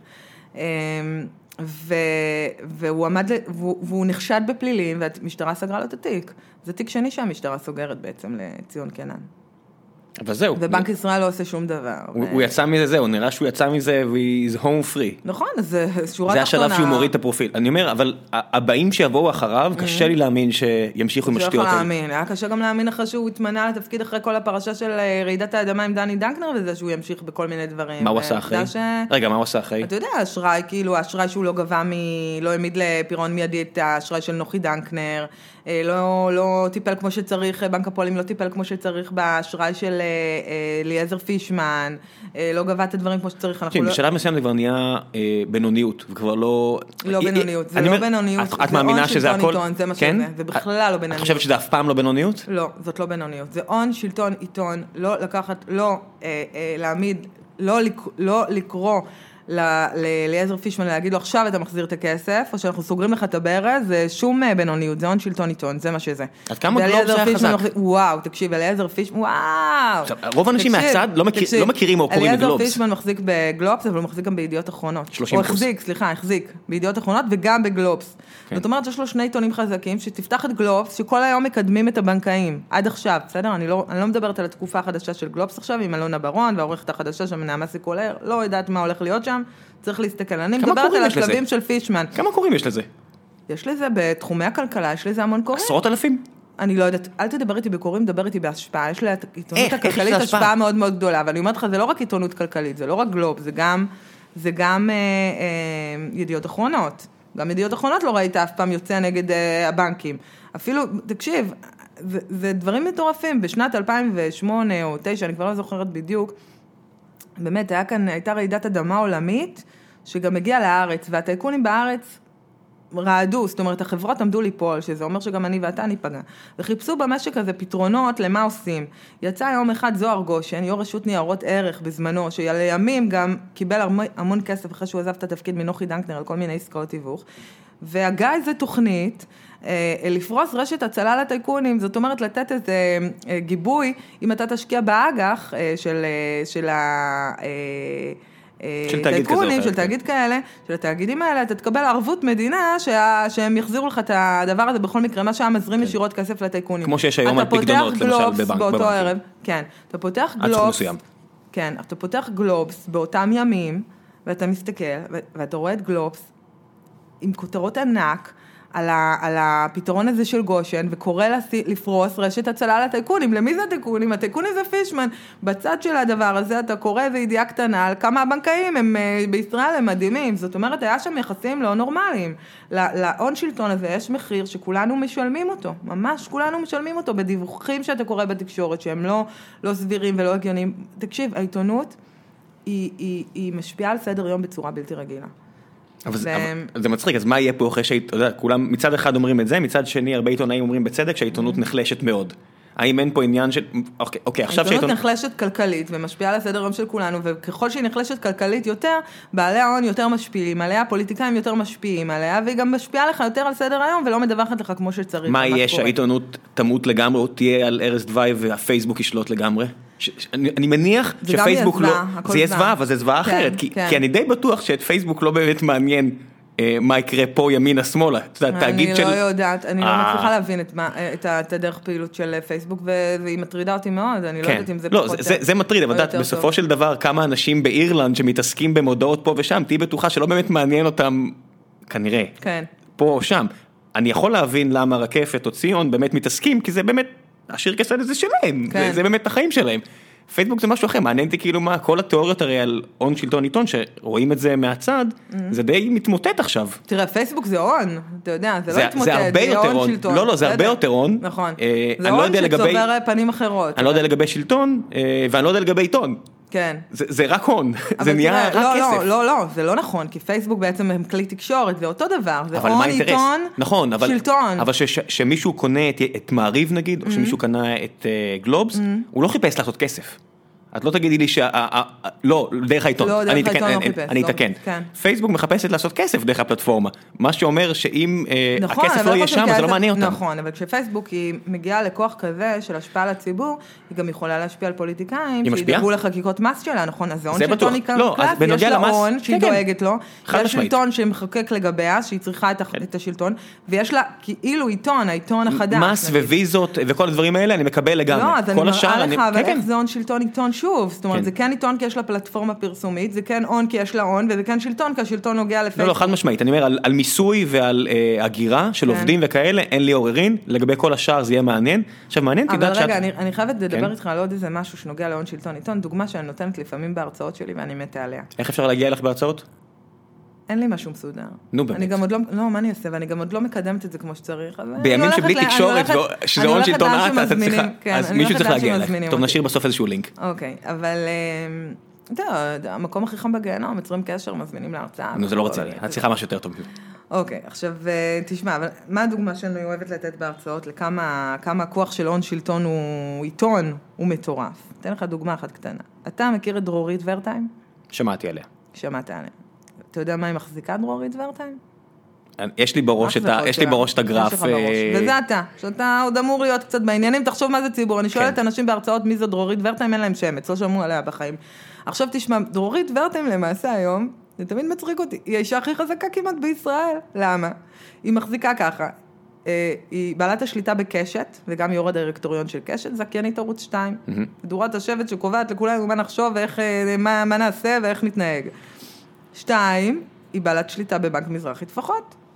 שלוש, היא בעלת שליטה בחברה למרכ... אה, אה, משקאות. המרכזית למשקאות קלים, שזה קוקה קולה וטרה ומיליון מותגים, לא רק קוקה קולה. אוקיי, עכשיו, מה שקורה כאן זה החזקה שיש לה בתקשורת, יש לה החזקה פיננסית שזה הבנק, ויש לה החזקה ריאלית שזה קוקה קולה וכל החברות שמתחת, אוקיי? מי יכתוב על דרורית ורטיים? למה אתה לא שומע על דרורית ורטיים? ואגב, אני לא אומרת שיש משהו לא בסדר, לא תחקרתי את דרורית ורטיים, אז אני לא יכולה להגיד לך אם יש משהו לא בסדר. אני. נותנת דוגמה תיאורטית כן. להשפעה של המטורפת של הדבר הזה. אז ככה, כתבים של ערוץ 2 לא יכתבו, על, לא יפרסמו תחקירים על דרורית ורטיים ועל אחד מהגופים שלה. לא יפרסמו, יש לך מגבלה, אתה לא יכול, לא רוצה שיפטרו אותך, זה בכלל לא יגיע, אפילו אם הם יביאו משהו, העורכים יורידו להם את זה למעלה, זה לא יגיע למעלה. עכשיו, אז זה הכתבים של ערוץ 2, אבל יש עיתונים אחרים, נכון? אז נגיד אליעזר פישמן היה מסוגל לפרסם אי פעם משהו על אה, דרורית ורטיים? לא. למה לא? כי אליעזר פישמן תלוי בבנקים בישראל, וכשאתה רוצה לגייס כסף כטייקון בבנקים בישראל, יש לך חמישה בנקים לעבור בהם. פועלים ולאומי דבר ראשון, שנותנים לך את רוב האשראי, ואחרי זה גם מזרחי ודיסקונט. אפילו לא בינלאומי, אני לא יודעת אם הוא כזה במשחק של הטייקונים, אה, הוא... מבחינת סכומים. כן. אז, אז, גם, אז גם גלובס וידיעות אחרונות לא יפרסמו שום דבר על דרורית ורטיים. עכשיו סתם ניתן לך דוגמה, רוצים לעשות תחקיר, אה, בוא נמצא כלי תקשורת אחר. אה, ישראל היום רוצה לעשות אה, תחקיר על, נגיד לא ישראל היום, לא כן, טוב, תביא לי, תחקירים. מעריב, סתם, לא משנה. כן. מעריב רוצה לפרסם היום תחקיר על דרורית ורטיים וקוקה קולה, הוא מסוגל לעשות את התחקיר הזה? לא, אתה יודע למה? כי מה שיכול לקרות זה שלקוקה קולה היא הרי, עזוב את מעריב גם. שנאחזת בבנק מזרחי לפחות מקבלת מימון, הרי כל כלי התקשורת עכשיו במצב חלש, גם הם צריכים לפי מימון. עניות דעתי זה המפרסם הכי גדול אבל בעולם. המפרסם הכי גדול בעולם, המפרסם הכי כן. גדול בארץ, או בין הגדולים, אז גם יש להם סכנה ב- ב- בכך שהם חוזה, הרבה, הרבה כסף מהכנסות מפרסום. עכשיו, זה לא משהו על הנייר, כי תסתכל, ב-2009 פרסמתי פעם איזו כתבה קטנה, הייתי עוד כתבת יחסית נאיבית. זה היה בספורטל עוד? פרסם, לא, בדה מרקר, אבל הייתי עדיין נאיבית. עוד התחלתי לפרסם את הזה, ורגע לפני תחקירים, גם שלוש שנים אחרי היית אמרת לי שהיית. נאיבית, שהיית בטוחה שהמדינה מתהפכת על נכון, חסן, נכון, כן. אבל זו הייתה אז נאיביות אחרת. פוחתת. ויום אחד באתי עם פגישה עם מקור, שהסביר לי, הראה לי איזה חישוב של איך אני מחשבת את השווי הכלכלי האמיתי של IDB החזקות שהייתה אז של נוחי דנקנר בבורסה. אה, אה, היא נסחרה אז בשווי של יותר משני מיליארד שקל, זה היה שיא המשבר, והוא הראה לי איך אם אני עושה חישוב כמו של אנליסטים, אז אני מגלה שבעצם השווי שלה הוא שלילי בכלל, הוא אפס. שזה היה כותרת מאוד חזקה, נתנו כותרת למחרת בבוקר, IDB שווה אפס. לא היה לי מושג, באתי לאורחים שלי, זה החישוב שקיבלתי, בואו נפרסם, אמרו לי בסדר. לא, ידעתי איזה סערה התחוללה מעל ראשי. הכתבה הזאתי גרמה לחרם אה, פרסומות של קבוצת IDB על הארץ. עכשיו, מאותו רגע, IDB הפסיקה לפרסם. מי זה IDB באותו זמן? כלל ביטוח, דיסקונט. סלקום. לא, לא. דיסקונט לא קשור- לא, לא, לא, לא. אה, דיסקונט, לא, דיסקונט נקראים אה, IDB בגלל ה... ש- ישראל- הם נמנו על הקבוצה שהיא הייתה של הפסיקו, לא? רקנטי, אבל זה הם לא, לא הפסיקו את המנויים לא, גם? לא, לא, לא, לא, לא, פועלים אולי הפסיק מנויים, זה אני לא בטוחה. לא, אוקיי. דיסקונט לא. אה, דיסקונט לא קשורים. IDB זה כלל ביטוח, זה אה, נכסים ובניין, חברות נדל"ן, זה סלקום, זה שופרסל. אלפי מנויים זה- ופרסום. זה גולף, זה, זה כל קבוצה שאתה רוצה, היו להם עשרות חברות בקבוצה, גם היום יש להם הרבה. אז, אז תחשוב על איזה מכה זה לעיתון שרוצה להתפרנס. המנויים נחלשים, זאת אומרת, העיתונות המודפסת נחלשת, הוא מחפש אפיקי אה, מימון, והוא, והנה, לוקחים לו, שוללים לו פרסומות שיכולות להגיע גם למיליון שקל, הכנסות שיכולות להגיע מפרסום למיליוני שקלים בחודש. אה, זאת הבעיה של הון שלטון עיתון, ואת זה אתה רואה אגב, הנה, אתה רואה את אה, שאול אלוביץ', שהחזיק בוואלה, אה, התערב בוואלה בשביל אה, שרה וביבי, בזמן שביבי מחזיק את תיק התקשורת ומשפיע על בהחלטות שהוא מקבל על בזק, שגם נשלטת על ידי וואלה. האסון הכי גדול זה שהאנשים האלה מחזיקים בגוף תקשורת ובאיזה עסק ריאלי, ועוד יותר חמור, הם מחזיקים בעסק ריאלי ופיננסי, ואז הם הופכים להיות חסינים ציבורית, ויכולים אני לעשות אני הייתי מה שהם בטוח רוצים. שה- שהבונוס הגדול למר אלוביץ' הגיע עוד לפני כן, אבל זה סתם היה השערה שלי שכשיד שתיים נמכרה, אז במקרה אני הייתי, אה, היה- לי אה, שירות מתחרה, שידידי תוכנות היו חלק מהמשקיעים שלו, גילוי נאות נוסף, אה, ושיד שתיים נמכרה בסכום אה, מאוד אה, לא הגיוני לכמות הרווחים שלה, אמרתי, "Hmm, יפה להם, מעניין איך זה קרה, ו- והערכתי את החבר'ה של אקסל שפרינגר בארץ, ונורא עניין אותי מה, מה קורה פה, אבל מן הסתם אי אפשר להוכיח שום דבר, כן, לא- ואז- לא ואז את מגלה שביבי. נפגש עם המנכ"ל של אקסל שפרינגר וכל מיני כאלה, ואת אומרת, כן. "אה, איזה קטע, כן. קורה הדברים האלה, לא. אין פה שום האשמה, כן? אני רק אומר שתיאורטית יכול היה להיות, כן. תיאורטית זה יכל להיות אפיק, אתה רואה, כשאתה רואה את הדברים שכן נחשפים. אתה מבין שזה קורה כל הזמן מאחורי הקלעים, ואנחנו נחשפים רק ל-. לקטנות מהדבר הרבה, הזה. הרבה מהכתבות שלך, הרבה פעמים את פשוט משרטטת גרף, את אומרת, הוא מכיר אותו, ההוא למד עם ההיא בבין תחומי, ההיא נשואה לו, זה לזה, והרבה נכון. פעמים, זה גם אחת השאלות שעלו, את לא מראה את ה bottom line, כי קשה מאוד להגיע ל bottom line, אני אומרת, לא- אני הנה לא- הגרף. נכון, כי אני לא משטרת ישראל, אין לי יכולת להגיע ל bottom line. לא רק לי, בכלל לכל הכתבים, אם אתה מסתכל על אה, תחקירים הכי נוקבים שמתפרסמים, או התפרסמו בשנים האחרונות, גם נגיד בטלוויזיה, או בעובדה אפילו במקור, אתה תראה שבעצם לאף אחד אין יכולת להביא שורה תחתונה, אלא אם כן, הוא קיבל את כל החומרים מוכנים מהמשטרה והפרקליטות. אין לי יכולת להראות שורה תחתונה. מה יש לי יכולת להראות? יש לי יכולת להראות הרבה פעמים קשרים, שאגב, כמעט כל פעם, הפעמים ששרטטתי קשרים, איך, איכשהו הדברים התבררו כנכונים, שהייתה איזושהי בעיית, בעייתיות בסיפורים האלה. יש לי יכולת להראות את הקשרים ולהגיד, יש בעיה בקשרים האלה, כי הם גורמים לכל הפחות, גם אם לא למשהו מושחת מלכתחילה, גם אם המדובר באנשים האלה, על ל"ו הצדיקים, כל האנשים שמופיעים ברשת קשרים הזאתי, יש לבן אדם הטיה טבעית, וברגע שיש לבן אדם הטיה טבעית, יש לו בעיה. לי יש אנשים שאני לא יכולה לכתוב עליהם בעיתון, אני לא אכתוב עליהם, נקודה. לא לטוב ולא לרע, כי אני יודעת שיש לי בעיה לעשות עליהם תחקיר. יש לי כאלה, גם לכל בן אדם יש. הטיות. יפה, אבל כשיש לך הטיה כזאתי, שהבן אדם יושב בבנק הפועלים ויכול לתת אשראי לכאן ולהשאיר מישהו בחיים, וזה חבר שלו מתברר, והוא באמת נתן לו אשראי, ופתאום אתה רואה שהאשראי ניתן בתנאים קצת אחרים, אני לא אתפוס את השיחה שאומרת, וואי, אני אתן לך אשראי עכשיו למרות שאתה לא יכול להחזיר, ואולי גם לא הייתה שיחה. למרות שהבאת דוגמה, ל- זה לא אפור, זה שחור, כי הבאת הלוואה שהיא לא ראויה, ואיכשהו זה יצא החוצה, אין פה אפור. נכון, יש הרבה הלוואות יש לא דברים הרבה. יותר אפורים מההלוואות האלה של אני אומרת, הפועלים. שימו לב לזה שיש כאן אה, בעיה בקשרים האלה, והקשרים האלה מוגזמים, והקשרים האלה באים על חשבוננו, גם אם שום דבר לא רע נעשה, והכל נעשה באופן ישר וטבעי. כשאת אומרת נגיד על הקמפיין עכשיו של המיטו, שהיית מעורבת בו אה, מאוד, על אה, הטרדות אה, ואונס, את חושבת לא הייתי ששם... מעורבת ספציפית במיטו, אבל אני נוגעת בתחום הזה הרבה, לא, אני מתעסקת... חיפשת פרסומים, אה, היית, לא, מיטו ספציפית זה לא משהו שאני כאילו קשורה אליו לא אמרתי שהובלת, אמרת, היית מעורבת. אני, מעורבת בכל השיח הזה, כן. של הטרדות מיניות כבר הרבה שנים. נכון, כן. אז אני אומר, כשהיית מעורבת בזה, היית היית חושבת שמועדון הקשרים הזה, אה, מועדון ההון שלטון ווטאבר, גם מגן במקרים האלה? או ששם זה כבר קו אדום, שזה פלילי יותר מדי ונזק ציבורי, ואומרים יאללה, סע, סע מפה חביבי, תסתדר לבד.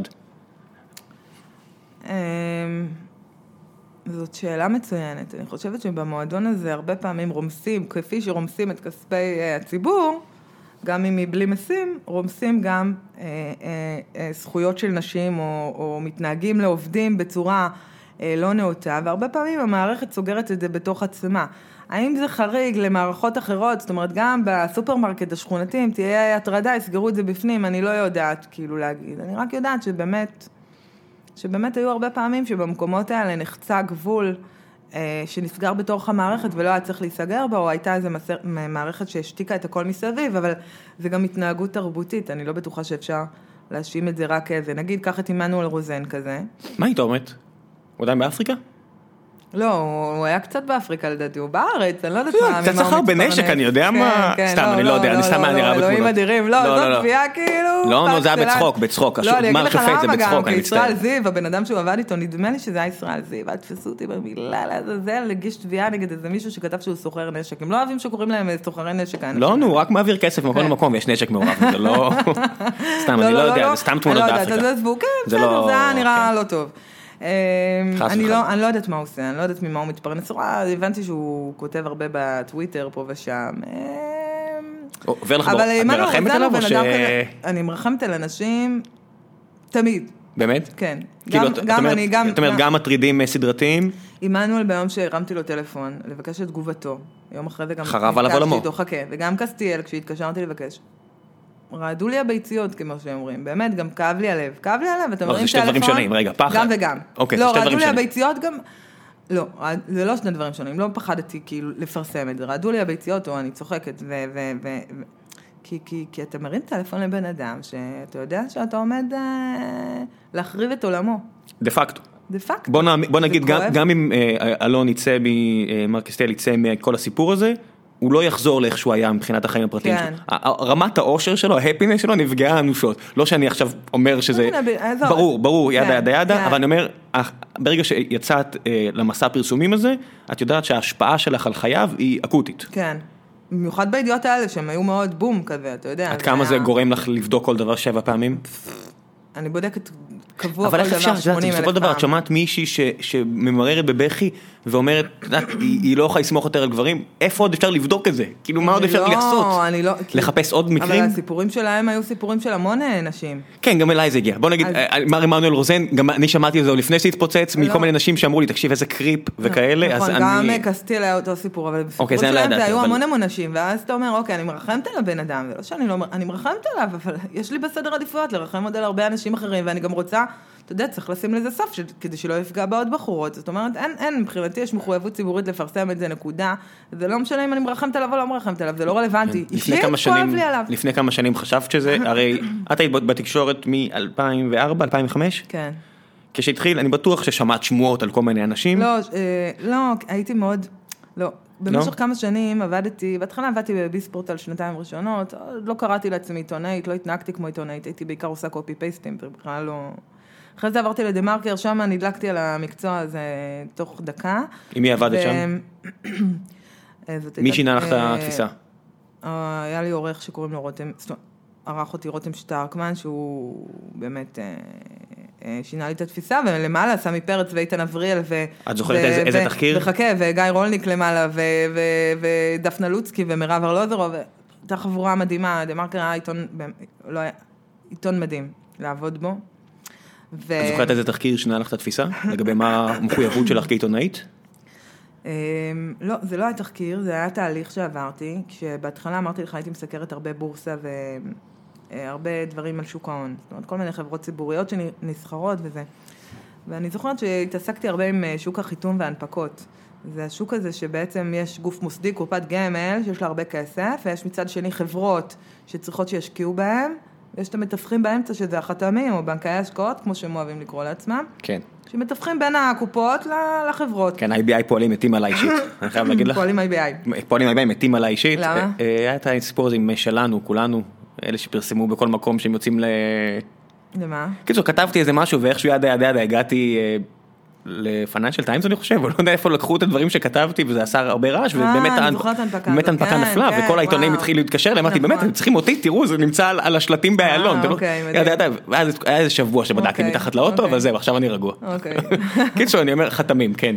אז זה, זה שוק מאוד מאוד uh, תחרותי ואגרסיבי, והתחילו להדליף לי מכל מקום, תראה את ההנפקה ההוא, ולכלוכים על ההנפקה וזה, והייתי משוגעת על זה, וגם אהבתי את הקטע. זוכרת שהיה, וזאת הייתה שיחה מכוננת מבחינתי עם רולניק. ישבתי איזה יום עם רולניק, הוא אמר לי, אה, מה את אוהבת לכתוב? אמרתי לו, אני אוהבת למצוא את הפינות האלה שאף אחד לא מוצא בהנפקות, למצוא איפה ככה, אתה יודע, גונבים מפה, לא, לא גונבים, גונבים, אלא... גונבים פה סוסים, מתחמנים כן. פה, מתחמנים שם וזה.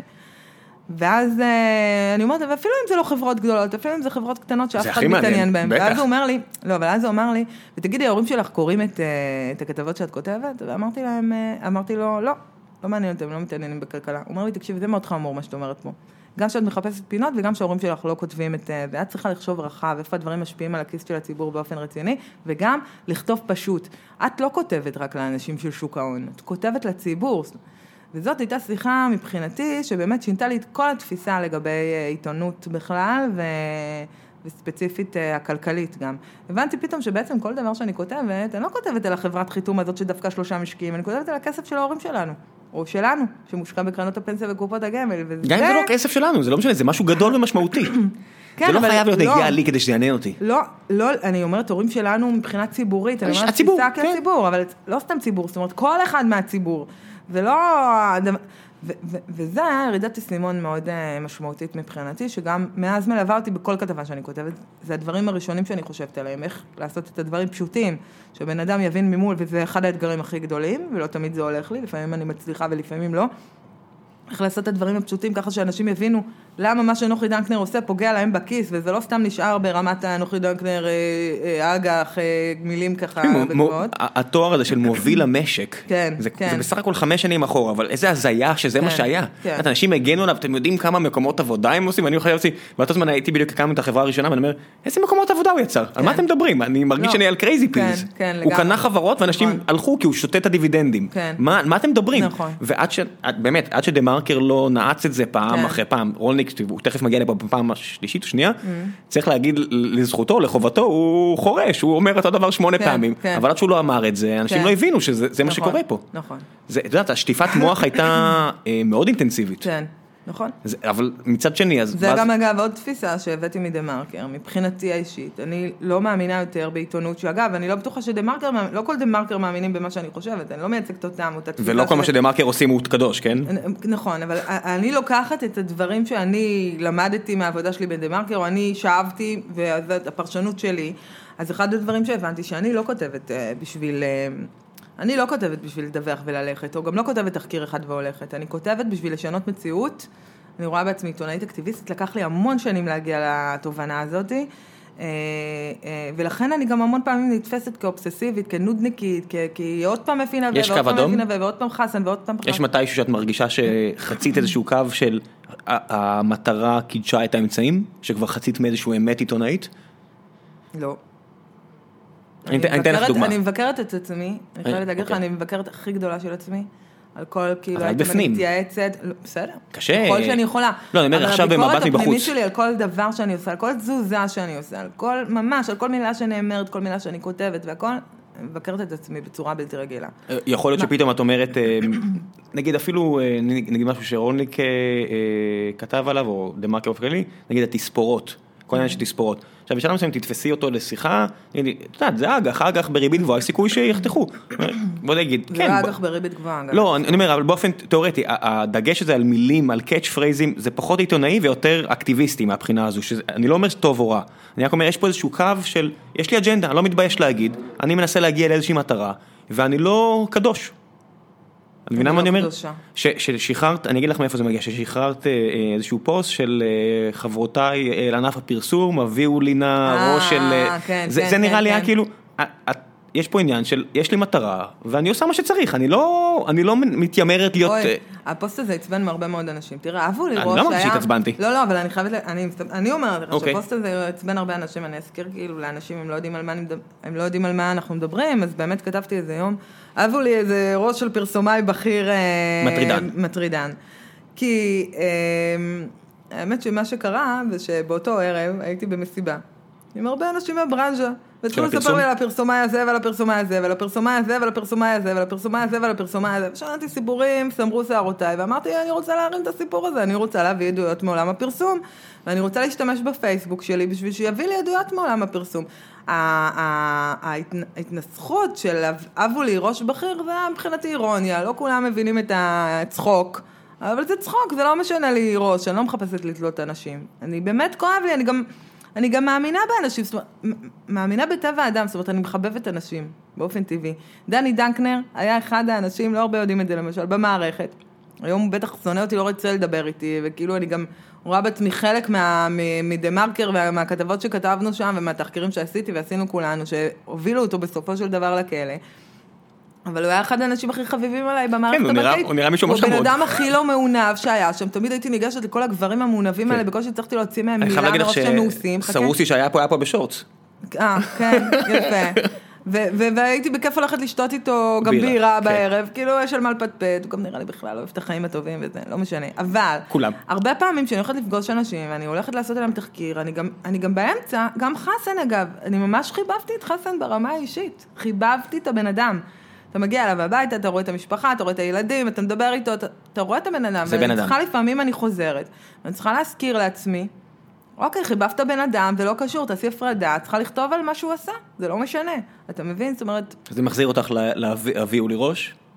כן, אז גם אבו לי ראש, זה, זה, זה נאמר בציניות, אבל כן, אני רוצה שנשים ידברו גם על עולם הפרסום, ורוצה ולא היה? שנשים... לא והן היה לא משהו? מדברות, איך? מפחדים? לא יודעת. אה, מה זה לא יודעת? כן, מפחדות. הקמפיין מיטו יצר תחושה מאוד מתעתעת, שבה כל אחת שרוצה רק לדבר, מעלה פוסט בפייסבוק, מקבלת אהבה ואהדה והכל... זה- זה נורא ואיום. כן, אבל זה, אבל, אבל זה, פה, זה ממש תחושה מתעתעת. בוא נלך עכשיו למטה פה, למישהו יש ספק שזה לא נורא? או בוא נלך, ל- מה, לא נורא מאיזו בחינה. שמי שעושה את זה חוטפת הר של שיט. הר של שיט נופל עליה. דווקא, כן, אבל הרבה פעמים ברשת דווקא הרבה נשים מקבלות הרבה אהבה. מה זה משנה? אז אתה מקבל איקס אהבה גיבוי. ו-Y כן, שיט, זה אבל לא כיף. אבל, במצב הנוכחי שבו אנחנו נמצאים, לפעמים הן מקבלות גם יותר תמיכה ואהבה וגיבוי מאשר, מאשר אז אה, 60-40, מתקפה. זה עדיין 40 אחוז התקפה. כן, אבל, אבל, אבל עזוב, אני אומרת יותר מזה, אני אומרת רוב האנשים אין להם אומץ לשים שום דבר בפייסבוק, או לדבר, או, או לך, לך, אגב, ככל שתרחיק מהמרכז יהיה יותר חמור, תלך לאיזה, לאיזה, אה, אני מתה לעשות כבר שנים, פעם ראיתי, הייתה את הסדרה חסרי בושה, שיימלס. והיה שם איזו סיטואציה שבה פיונה, פיונה גלגר, האחות שם, הבכירה במשפחה, הולכת לחפש עבודה בסופר. והבעלים של הסופר אומר לה, הוא יושב לידה, ואומר לה בעצם, אם תרדי לי, אני אתן לך עבודה. והיא לא מוכנה, והיא מקליטה אותה ונכנסת לסופר, ואז היא מנסה להנהיג מרד בין כל הקופאיות, כאילו שמסתבר שכולם יורדות לו כל הזמן, היא מנסה להנהיג אותם למרד, כולם הולכות להצביע. ובסוף הן מצביעות נגד מרד. למה הן מצביעות נגד מרד? הן אומרות, מה, יבוא מנהל חדש, לא ייתן לנו חופשה, לא ייתן לנו פה, לא ייתן לנו שם.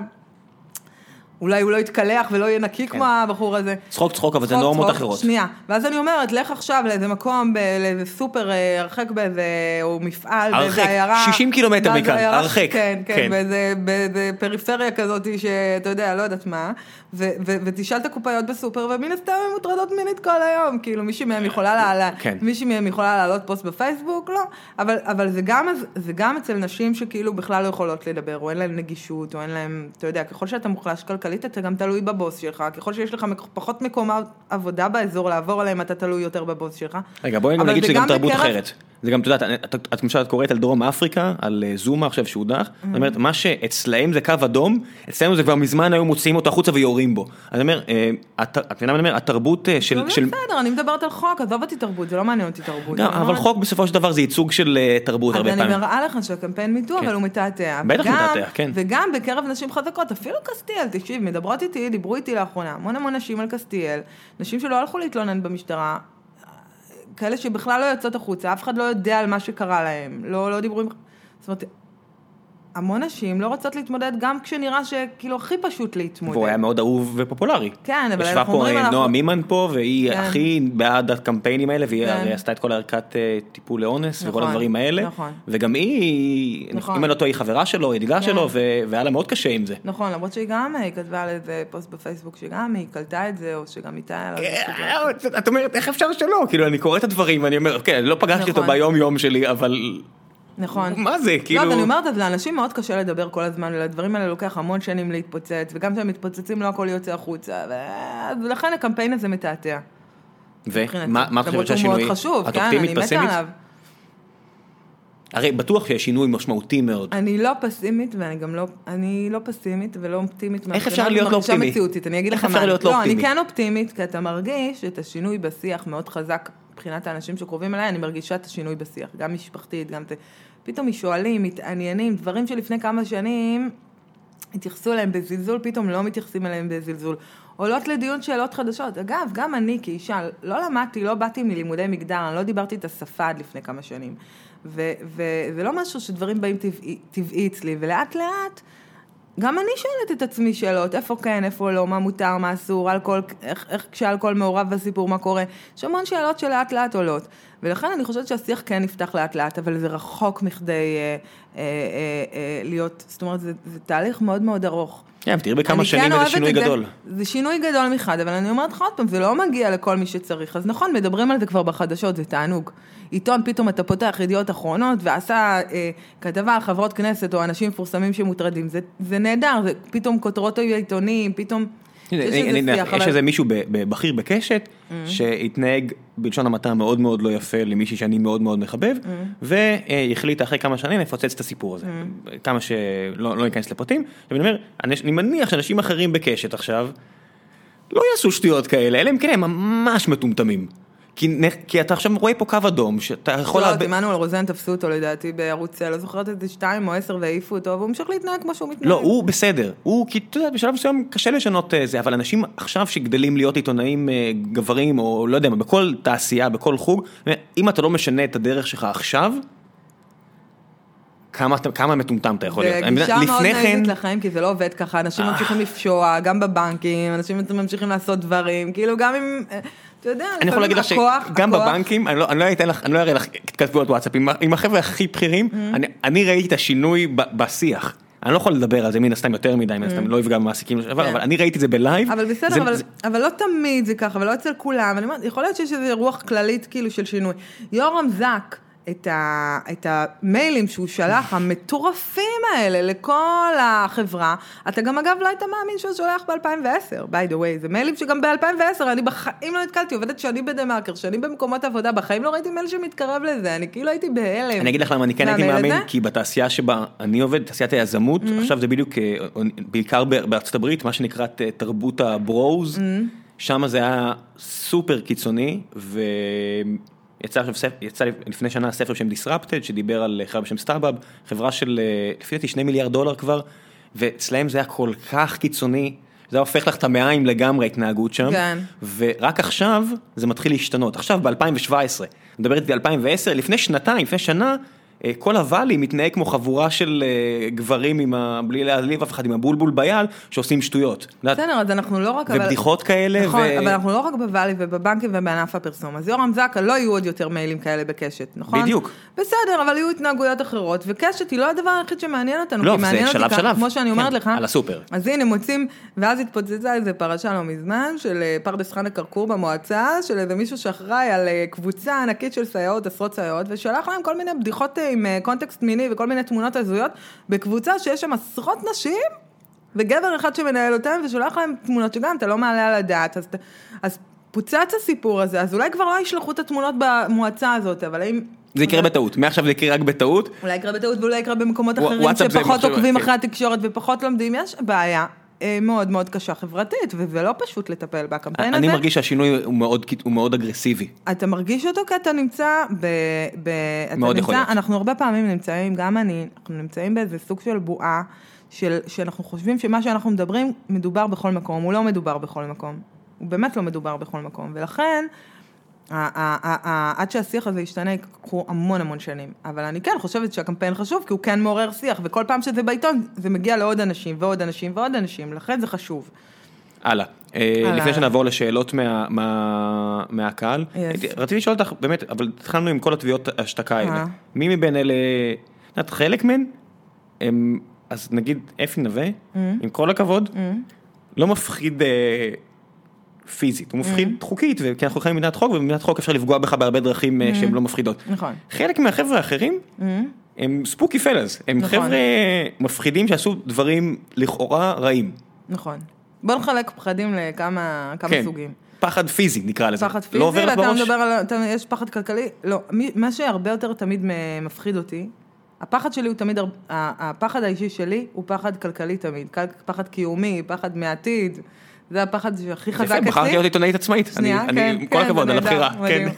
ו- יציבות. זה, זה הפחד המרכזי אצלי. פחד פיזי, אני מודה, שאני קצת טומטמת, כי אני מתקשה, אני מתקשה לדמיין אותו, ופחד שאני לא מרגישה אותו, כאילו, קשה לי ל... ל- ל- את כתבת להבין, על איזה פקיד. Mm-hmm. פקיד בעיריית תל אביב, אה, פקיד שהגיע להון של רבע מיליארד שקל, זה היה כל מיני מספרים הגיוניים כאלה לפקיד. לא, לא, לא כתבתי שהוא הגיע, אבל רגע, אבל אני רוצה... אני אומר, אבל אנשים שהוא התעסק איתם, שעולה עולה בכתבה, הנה משפחת פשע ביפו, הנה זה, הנה פה, אה, את לא קוראת מה שאת כותבת. אה, לא, אני, בוא נדבר על דיגמי, בוא ספציפית על דיגמי, כי יש לי אוקיי. שלוש תביעות דיבה, יש אחת, כאילו אמרתי לך, לשכת עורכי הדין, השנייה דודו דיגמי, הסוחר הנשים הזה, השלישית, שעות החוב על מנהל מחלקת הרישוי והפיקוח על הבנייה בעיריית תל אביב. אני לשעבר. לא רוצה לדבר, לשעבר, אני לא רוצה לדבר עליו, כי זה, זה עניין עם אה, הארץ שמגן עליי וזה, אני לא, לא, אוקיי, אז לא, ניתן את לא הכבוד לארץ, לא- לא נדבר על זה, אני מוגבלת לצערי אוקיי. מהדבר הזה. אמ, אבל, אמ, אז בוא נדבר על דיגמי ספציפית. בימים שעשיתי את התחקירים על דיגמי, היו שלבים שממש רעדתי, כאילו, באמת פחדתי, כי הכר, שמ, קראתי מה הבן אדם הזה מסוגל לעשות, ראיתי מה הוא מסוגל לעשות, הייתה לי איתו שיחה שבה היא הייתה מצד אחד חצי מתחננת שאני לא אפרסם משהו, מצד שני הובלעו בה כל מיני דברים שנשמעו לי לאוזן מאיימים, למרות שהם לא נאמרו בבוטות. אל תגררי אותי לפינות איתך, את יודעת מה זה, ואמרתי לו, נגיד, אל תאיים עליי, אז הוא אמר לי, אני לא מאיים עלייך, אני אקח אותך לבית משפט, כאילו זה היה הכל גבולי כזה, אתה יודע, בין איום ללא איום, שרעדתי, וזו הייתה תקופה גם, שהייתי בטוחה שמצטטים לי לטלפון, היום אני, ואני בן אדם לא היסטרי כל כך מבחינת ציטוטים, אני תמיד אומרת, גם אם מצטטים, תקפצו לי, לפעמים אני מדברת לאפי נווה תוך כדי השיחה בטלפון עם אה, חברות. קשה לי להאמין שהוא. יעשה דבר כזה לא מטומטם. מאמינה, לא, לא, אני לא מאמינה שיש כזה, אני גם, אני לא מאמינה שזה, אני צוחקת, אבל אני לא בן אדם היסטרי מהבחינה הזאת, או מרגיש אה, רדוף.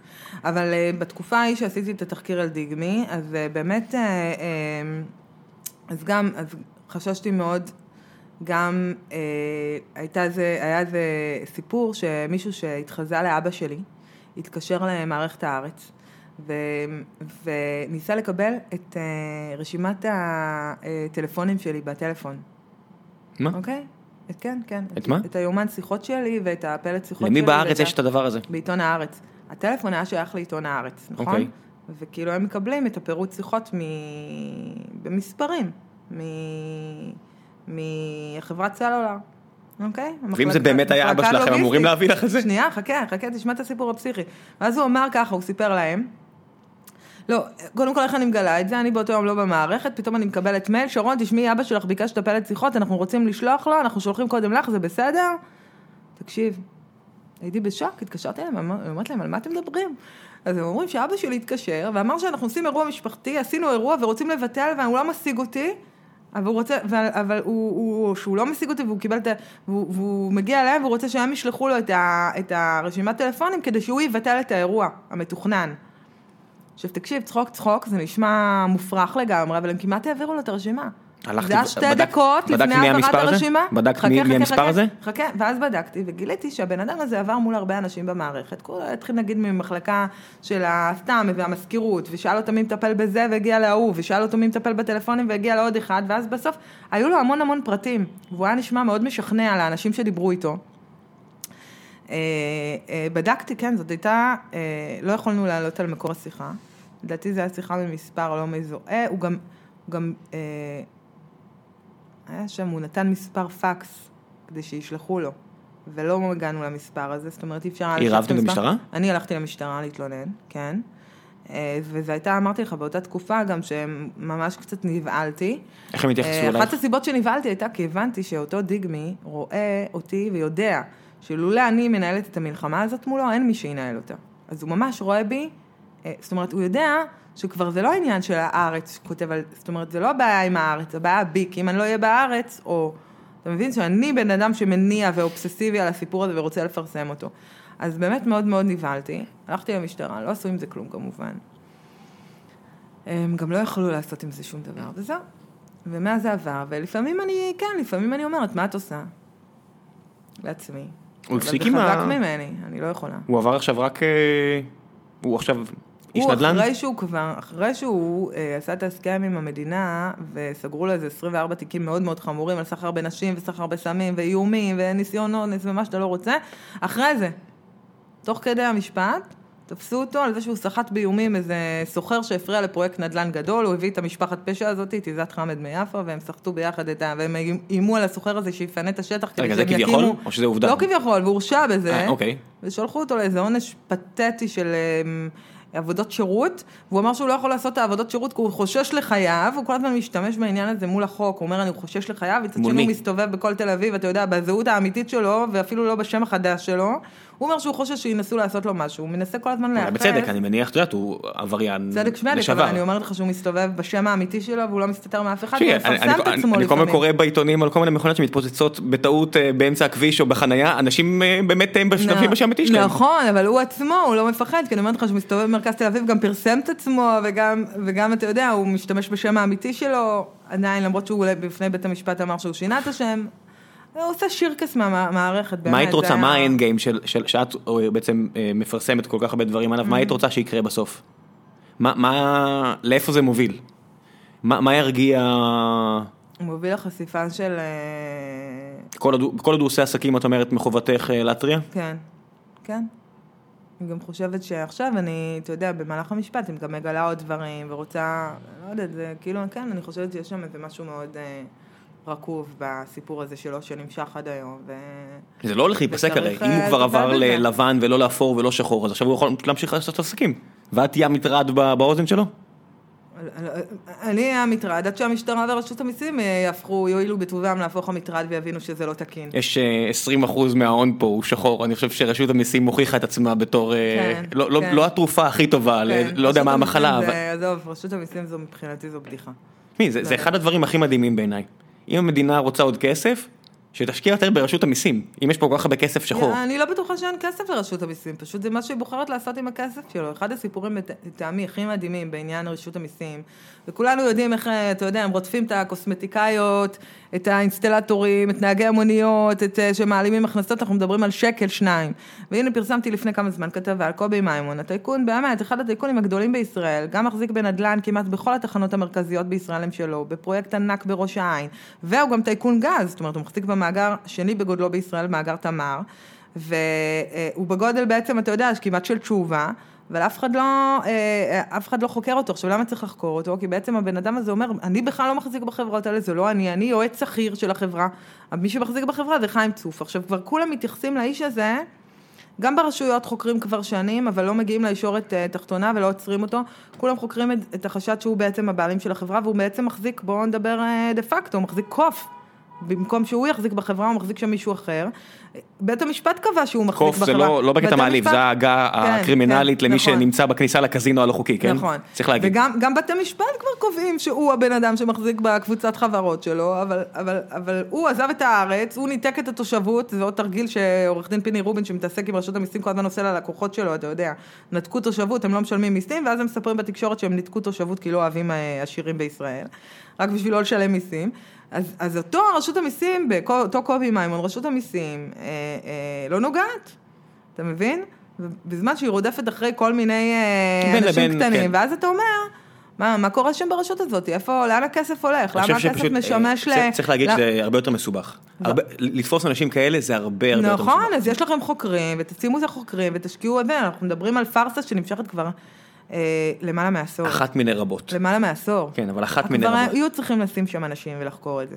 ואם הם לא יכולים לחקור את זה, אז יש שם בעיה ותטפלו במחלקת חקירות במקום לטמטם לנו את המוח על כל שקל שאזרח לא משלם. אם את תשאל- תשאלי אותי זה גם וגם, את יודעת, ההיעדר משילות פה הוא הוא זה גם וגם, משוגע. אבל כשאתה מטפל רק באנשים למטה, ואתה לא מטפל באנשים למעלה, אתה לא נותן דוגמה, אתה לא מראה כאילו איך האכיפה שווה, זאת אכיפה, מין אכיפה בררנית שמכבידה על האזרח הקטן, במקום לטפל בצרות האמיתיות. כן, לא יודע, אני אגיד לך ככה. איזה אינסנטיב יש לבן אדם היום לשלם מיסים בארץ, כשהוא רואה את הטייקונים מתחתים זה מה- בתשלום, אז זה צריכה להיות דוגמה מלמעלה. אז, אני אומר שזה צריך להיות, משילות היא, על כל אורך, זה, זה לא יכול להיות סלקטיבי, לא לשם ולא לשם. אני לא אומרת. תקשיב, אני לא אומרת, אני מבין מה שאת אומרת. אני לא אומרת חלילה, כל כן. בן אדם צריך לשלם מיסים, אני רואה את זה בחומרה כשלא משלמים מיסים, אני אומרת, כן. אבל, אבל, אבל הדגש זה למצוא את האנשים הגדולים קודם, ולא את האנשים הקטנים למטה בפירמידה. זה, זה, אני אגיד לך מה, כתבתי איזה משהו, אה, אני חושב שזה היה למאקו, אה, למאקו כסף, לא יודע איך זה נקרא, על, על כמות הכסף השחור בארץ, וקצת אה, לתמצת את הסיפור הזה, והיה שם איזה 70 טוקבקים, 100% מהטוקבקים, על הכתבה הזו בטוח מומנה על ידי בעלי ההון והבנקים והכל, אמרתי, עליו, "או, אנחנו במקום רע מאוד, אם יש כזה אובדן של אמון נכון, מצד בדיוק, האדם הקטן. בדיוק. אה, טוב, בדיוק. בוא נעבור לשאלות מהקהל. כן. אה, אבישי סלע אומר yes yes yes, כנראה ממש שמח שאת מגיעה. אה, בתור עיתונאית עצמאית, אה, ממה את מתפרנסת ואיך, מה מה את מתכננת לעשות עם הקריירה הזו בהמשך? הוא אומר, אני מקווה שהשאלה לא חטטנית מדי, אם כן אז אל תעני. אה, איך אפשר להתקיים בעיתונות כשאין לך גב של כלי תקשורת גדול מאחורייך? שורה תחתונה, אי אפשר להתקיים. אמרת אפשר או אי להרחיב? אפשר? אי אפשר. אי אפשר. להרחיב? כן, כאילו מה, את- את בחרת, אני- עשיתי עם לוק כזה. כן. אמ, יצאת הרי להדסטארט. יצאתי. כן, אני, אגיד לכם, אני יצאתי מהעיתונות הממוסדת, או התקשורת שרפת כל גשר פחות או יותר אפשרי מאחורייך, כן? לא, לא כל גשר, שרפתי. את גשר הארץ שרפת נראה לי, לא? גשר הארץ נשרף, אבל יש עוד קשרים חוץ מהארץ, אמ, אבל אמ, בהתחלה באמת ניסיתי לחזור לתקשורת הממוסדת אחרי שעזבתי את המקור, או פוטרתי מהמקור, כי הרומן שלי עם הטלוויזיה היה על הפנים, אחרי זה אני אספר לכם אם תרצו, אבל אמ, אה, בקיצור, הייתי רגל בחוץ כבר, הייתי מיואשת. מצד אחד סיפרתי לך שמצאתי את אהבת חיי, שזה המקצוע הזה, שהוא מבחינתי תפור עליי וזה, מצד שני לא ראיתי איך אני הולכת להתפרנס. כי נגיד, עיתונאי עצמאי, מה הוא עושה? הוא יכול למכור כתבות לכל מיני כלי תקשורת, נכון? כמעט יצא לך- תשקורת. כן. לא, אבל, אבל כשאתה עושה כתבת תחקיר, לוקח לך המון זמן. אם הייתי עושה כתבות צרכנות ומוכרת אותם, או כתבות פיצ'רים כאלה על כלום, הייתי מתפרנסת עכשיו כמו כלום, 1,500 מפה, 1,500 משם, 700 מפה, 700 משם, מוכרת כל היום, עובדת, תקתקת שלום. אני לא כזאת, אני כן, כותבת אני- כתבות שכל דבר לוקח לי שבועות לכתוב אותם. הכתבות צרכנות, כתבות צרכנות האלה הולכות ונהיות יותר ויותר מביכות, תני לי להגיד לך. נכון, אני נכון. רואה מהצד, אני רואה את ישראל היום מפרסמים חברות שזה הונאת פירמידה, הן משרטטות הפירמידה בכתבה. באמת. כן? ואני רואה את המפרסמים בישראל היום, ואני אומר, באמת? אין- כן. אין יותר טיפה של בושה, הפירמידה מצוירת בכתבה. כן. הם גם מסבירים, אם אם תיתן לשכבה מתחתיך, תוכל להרוויח. ככה. ואני אומר, באמת? זה- איך איך אתם מעזים? כן. אז אה, אז אל תלכי לשם. אני עוד לא דיברתי כן. על התוכן השיווקי, שאתה מוכר תוכן שיווקי, דיברתי עוד לפני זה, דיברתי על, על נגיד תוכן אמיתי, אבל כנגיד פיצ'רים מעניינים, אבל בלי איזה ראש שאני תולה, בסדר? לא ראש, אני צוחקת עוד פעם, בלי איזה כן. תחקיר כאילו נוקב. ואז הייתי מתפרנסת מאוד בקלות. ברגע שאני עושה תחקירים, וכל תחקיר לוקח לי שבועות, והוא מצריך ייעוץ משפטי, וכל מיני, כאילו, והשקעה שאני לא יכולה לעשות לבד, אז uh, היכולת שלי להתפרנס ולמכור כתבות לעיתונים אחרים הייתה אפסית. אז פגשתי את המקום הכי חם בגיהנום, הגעתי מבחינתי לגן עדן, בלי הגזמה. אמ, עינת, אבל? עינת פישביין ועירית דולב הקימו את המקום הזה, אה, אבל גם למקום הכי חם בגיהנום, שזה גוף עצמאי, שמשלם באמת להרבה כותבים וכו' וכו'. היה קשה להחזיק אותי, כי אני צריכה משכורת קצת אה, יותר, אה, ואני צריכה משכורת רצינית. ואני צריכה באמת, אמרתי לך, השקעה בייעוץ משפטי, משלמות לעורך דין שיעבור לי על כל מילה מילה בכתבה, עריכה, הרבה עריכה של עורכים, זאת אומרת, זה לא עריכה קטנה, לתקן כמה עניינים לשוניים וגמרנו. אה, גרפיקה, תמונות וזה, המון השקעה מסביב. והגענו בראש, להבנה שהם לא יוכלו להחזיק אותי בעצם בלי גיוס. ואז יצאנו לגיוס המונים שקורא לאנשים אה, להשקיע בתחקירים שלי. רצינו לגייס 200 אלף שקלים, גייסנו בסופו של דבר 280 אלף שקלים, 282.535 סתם, אבל מי סופר? זה היה השנה? כן, זה היה ממש לפני באוגוסט. אה, זה היה מאוד מרגש, בעיקר, אחת הסיבות שזה היה מאוד מרגש, היא לא בגלל ההצלחה של הגיוס, שהיה גיוס גדול גם במונחים של תקשורת מקומית, לא היה כזה דבר. זאת אומרת, יש אנשים שמגייסים, נגיד תומר אביטל גייס כמה פעמים לכל מיני פרויקטים שהוא עושה עיתונאי, אבל זה לא היה גיוס אחד, חד פעמי למשהו מסוים, רק לתחקירים שלי נקודה. אה, אז זה היה באמת הישג מדהים, ומה שהיה עוד יותר מדהים בו בעיניי, זה שמדובר שם, לדעתי, הגענו למשהו כמו, אל תתפסו אותי במילה, אבל משהו כמו בין 3,000 ל-4,000 איש שהשקיעו בתחקירים, שבעיניי זה בלתי נתפס או, בעליל. זאת בחרת מילה נכונה, מישהו- זה לא תרומה, זה השקעה. אני אני שונא שאומרים אני- תרומה. אני אומרת השקעה. כן. אנחנו הלכנו על השקעה. מעולה. באמת זה מה שהלכנו. המילה עשינו. תרומה כל כך מכעיסה אותי מהבחינה הזו. כן, למרות שבסדר, בסופו של דבר לתרום, מה, אני. אבל זה לא, זה אה, השקעה. השקעתי. אם אני לא חושב שיהיה לזה ערך חיובי עבורי נכון. ועבור המדינה, אני לא- אני לא אביא לך כסף. נכון, האמת שאני גם משנה את זה לגבי עצמי, כי אמרתי לך, עכשיו, אה, עכשיו נתתי כסף ל- לאיזה מישהי שפרסמה שהיא עומדת להוציא ספר אה, לילדים. אה, מה שקיבלת אה, בדואר. מה שקיבלתי בדואר כן. עם הפיג'מה, ואני אומרת, השקעתי בספר שלה, מבחינתי לא תרמתי, השקעתי, קיבלתי את הספר, קיבלתי פיג'מה, כן. אחלה השקעה. אה, בסדר, אבל אוקיי, מבחינתי אז הרבה אנשים, זה עדיין הדהים אותי, זה אלפי אנשים שפתחו את הכיס ונתנו כסף, תקשיב, זה לא פשוט, אני רואה המון פרויקטים אה, שעוברים לי. מול העיניים ואני לא מסוגלת להוציא כסף, אני אומרת, די, תשמרי כאילו, את צריכה להתפרנס, את לא יכולה, אז, אז זה מדהים בעיניי, שאנשים רואים את החשיבות של הדברים שאתה עושה, היא מטורפת, וגם זה היה כיף, כי אין, אין שם מישהו אחד ש, שנתן השקעה כספית גדולה. זאת אומרת, הצלחנו לשמור על החוסר תלות הזאתי, בבעל הון אחד שנותן כסף. style ברני סנדרס ולא הילרי קלינטון. אנשים. כן, נגיד. אבל, אבל באמת, אז, כן, אז אין תורם אחד גדול, יש המון אנשים שנותנים וזה. אבל, מה הבעיה? שהסכום הזה מספיק בערך לשנה. כי כאמור, אמרתי לך, יש ייעוץ משפטי, ויש פרסום, ויש כאילו לדחוף בפייסבוק את הכתבות, ויש עריכה, ויש המון המון דברים. מספיק לי לשנה. מה למה לא יקרה עוד שנה? בשנה הבאה? לא יודעת מה יקרה. כמה אנשים, כמה, כמה אנשים מסוגלים לתת כסף? אני לא יודעת. זה, זה הרבה כסף, אי אפשר לבנות כל הזמן על תמיכה ציבורית, יש תמיכה ציבורית מאוד מאוד גדולה, לבנות- אבל למה אי אפשר לבנות כל הזמן על תמיכה ציבורית? אני מרגישה שזה, שזה משהו שהוא לא ודאי, אולי לא אי אפשר לדעת. אולי אי אפשר לסמוך כל הזמן על כסף של נבזלין, אני יודע מה, אולי זה- אולי על זה אי אפשר לסמוך. ברור שאי אפשר לסמוך, אבל צריך למצוא, צריך למצוא. אני, תראה, אתה לא, לא פיצחו פה בארץ את המודל הזאת של, המודל הזה של עיתונות עצמאית עד הסוף. לא יהיה פה שאפשר- אפילו פוסט. לא- אין פה מספיק אנשים דוברי עברית בשביל נכון, אה, אוקיי, אריאנה, זה נכון, לא... נכון, אז, אה, אז, אז בסדר, אבל זה, זה מה שאני רוצה לעשות. אז מה יקרה בעוד אה, שנה כשיגמר הכסף, או עוד כמה חודשים כבר, כשיגמר הכסף?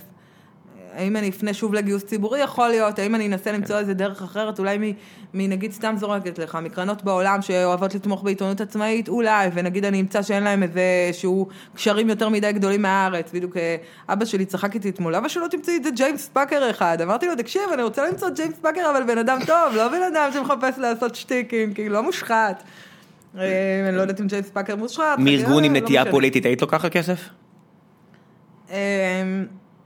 אני לא, אני לא יכולה, אני לא יודעת להגיד לך ממי הייתי לוקחת כסף וממי לא. אני יכולה להגיד לך שזה דבר מדהים, כי כשאתה הופך להיות עצמאי, העקרונות שכה שמרת עליהם כשהיית אה, אה, שכיר, הם פתאום. מתחילים להימתח, ואני באמת הייתי יותר צדיקה, השתדלתי להיות צדיקה יותר מהאפיפיור, הייתי נפגשת עם אנשים, רוצים לשלם עליי קפה, מה פתאום, אצלנו בדה מרקר לא משלמים על שום קפה, היום כל בן אדם שאני פוגשת בו, אה, אה, אה, אה, נפגשת איתו, אני עושה כאילו אני מוציאה את הכרטיס אשראי, מחזיר- מחזירה אחורה כמו בדייט. כן. אבל- בסדר. עבודה, כן. וגם דואגת גם לאכול על הדרך סנדוויץ'. יופי. על חשבונו. אבל, אז אני לא יודעת להגיד לך, אני מקווה שאני לא אצטרך להתעלות באף בן אדם עם אינטרסים מובהקים בישראל אה, אה, אה, לפרנסתי. כי זה יהיה תחילת הסוף. מה עם התאגיד? זאת תהיה בעיה. אז שנייה, אז, אז קודם כל, מאז שגייסתי ומאז שהתחלתי לעבוד במקום הכי חם בגיהנום, אז כדי להראות לך שדווקא לא שרפתי כל גשר בכל זאת, היו לי דווקא איזה שתי הצעות מהתקשורת הממוסדת, ופסלתי אותן על הסף, כי מבחינתי לא מעניינת אותי התקשורת. אז עכשיו. שרפת הקשרים האלה, יופי. כן, לא, לא, היא לא מעניינת אותי יותר. לפחות סירבת יפה. כי סירבתי מהמם. אוקיי. כן. אה, היא, היא לא מעניינת אותי, התקשורת הזאת, כי טוב לי במקום שבו אני נמצאת, מקום שרוצה לפרסם, גם כשמאיימים עליו בתביעות השתקה, מקום שמחויב רק לעיתונות. אתה, אה, מעצם זה שמדובר בנשים עצמאיות שהקימו גוף עצמאי, וכאילו לא משרתות אף אחד אחר, ואין בו טייקון גדול שמשלם, ואין בו אה, אה, פרסומות גדולות, ואתה לא תלוי באף אחד, אז אתה מבין, כאילו, הדדיקייט שלהם, והם, והם הלכו למקום שבו הפרנסה באמת, החיים לא מובטחים, זאת אומרת, אין איזה הבטחה כלכלית גדולה. כן. אתה מבין שבאמת, אנחנו חדורי אמונה בעיתונות אמיתית, ואין לי שום אינטרסים של מו"ל, ואף אחד לא יישב לי על הווריד ויגיד לי מה נכון ומה לא נכון, ומה בעיניו אה, אה, לא בסדר ומה כן בסדר לפרסם, ואני לא יודעת מה מסתתר מאחורי השיקולים הזרים שלו. אה, אז היית שמחה לג'ף? בזוס ישראלי כזה. כמו שהוא, מן הסתם עכשיו וושינגטון פוסט לא יכתוב שום דבר נגד אמזון, אבל אני מניח שכל השאר די פתוח להם. כן, אני, כן, גוף כמו אמזון, אני לא יודעת, אף פעם לא תחקרתי את אמזון, לפעמים אתה יודע, חכי, תכף לגופים הגדולים תכף הם ינקנקו פה כן, את השוק כן, הישראלי כן. וזה אוקיי. תהיה עבודה שלך, אבל אוקיי. זה בדרך. אז, אז, אז כן, אתה, אתה רוצה זה, כן, זה, זה יכול לשמח מצד אחד, מצד שני, באמת, אם אתה מצליח להישאר מפוזר ולגייס יותר ציבורית, או נגייס, נגיד לגייס מהרבה תורמים, אז, אז אתה אין כסף אולי קצת. מוגן. בסופו של דבר, יש-. יש מעט ריח ויש הרבה ריח, אבל... לנסות, אתה יכול לנסות לצמצם את הריח. כי אם כן. אני אלך אה, היום, ל- אני לא אגייס משאול אלוביץ', בסדר? סתם, אין לו כסף. כבר אין לו כסף, בסדר, כן. אבל לא משנה, נו, תן לי, דרורית ורטה, אני לא מגייסת כן. מדרורית ורטה, אני לא לי אגייס מבנקים, אני לא אגייס מבנקים. ולכן אני אומרת לך שאני חושבת על כל דבר שאני מה אומרת. זה תגייסי מבנקים? לא, נגיד, אני לא אקבל איזה השקעה מבנק עכשיו, או פרסום מבנק, אני מתכוונת. אה? פרסום. נגיד, סתם. כן? אפילו לא הולך להרצאה בבנק, אתה יודע, יותר מזה. באמת? לא הולך, מזמינים אותי להרצאות, אני לא הולך להרצות למה? בבנק. כי זה גבולי, כי ברגע שאתה מרצה סטייל בבנק, הילרי הוא מתחיל... קלינטון?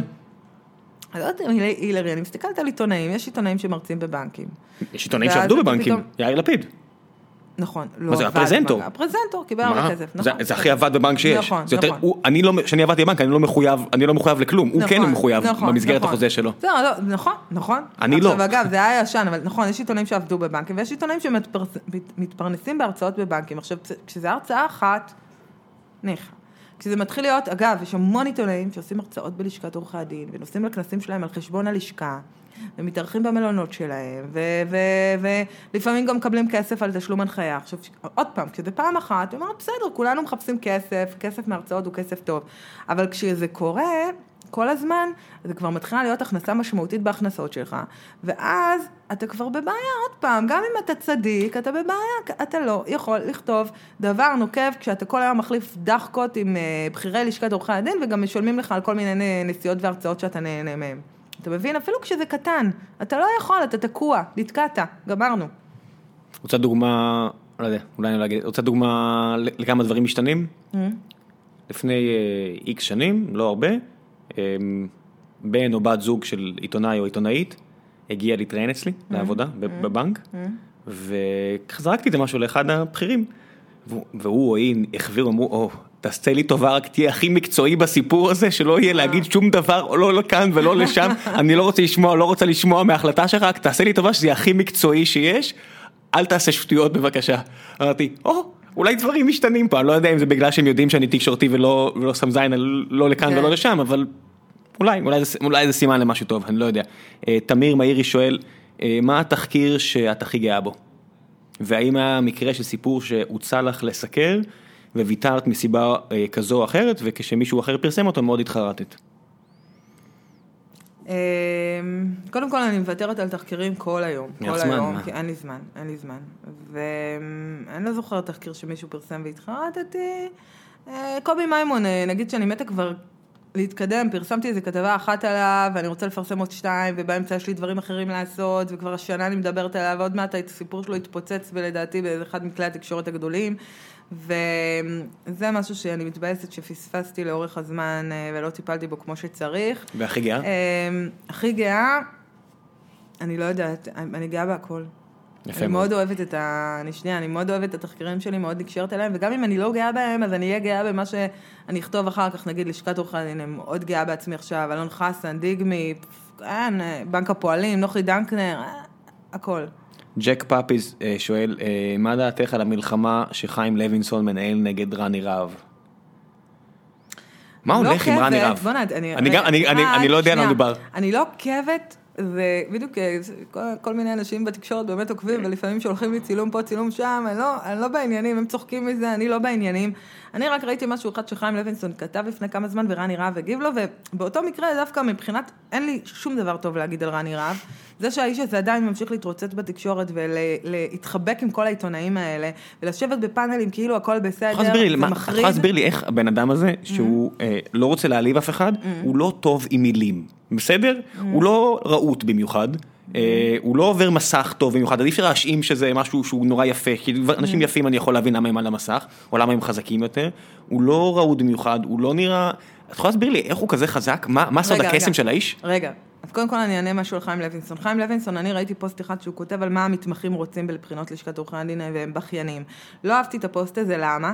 כי אני שומעת, לפני כל הסיפור האחרון של המתמחים, אני שומעת על המון סיפורים של המתמחים, שאף אחד לאורך השנים האחרונות לא נתן להם אוזן קשבת לבדוק האם יש דברים בגו במה שהם אומרים, לדעתי יש דברים, גם אני עצמי כבר לא מסוגלת, כי יש לי כל כך הרבה חומרים על לשכת עורכי הדין, כל כך הרבה חומרים בכלל, לא יכולה להגיע לכל סיפור וסיפור.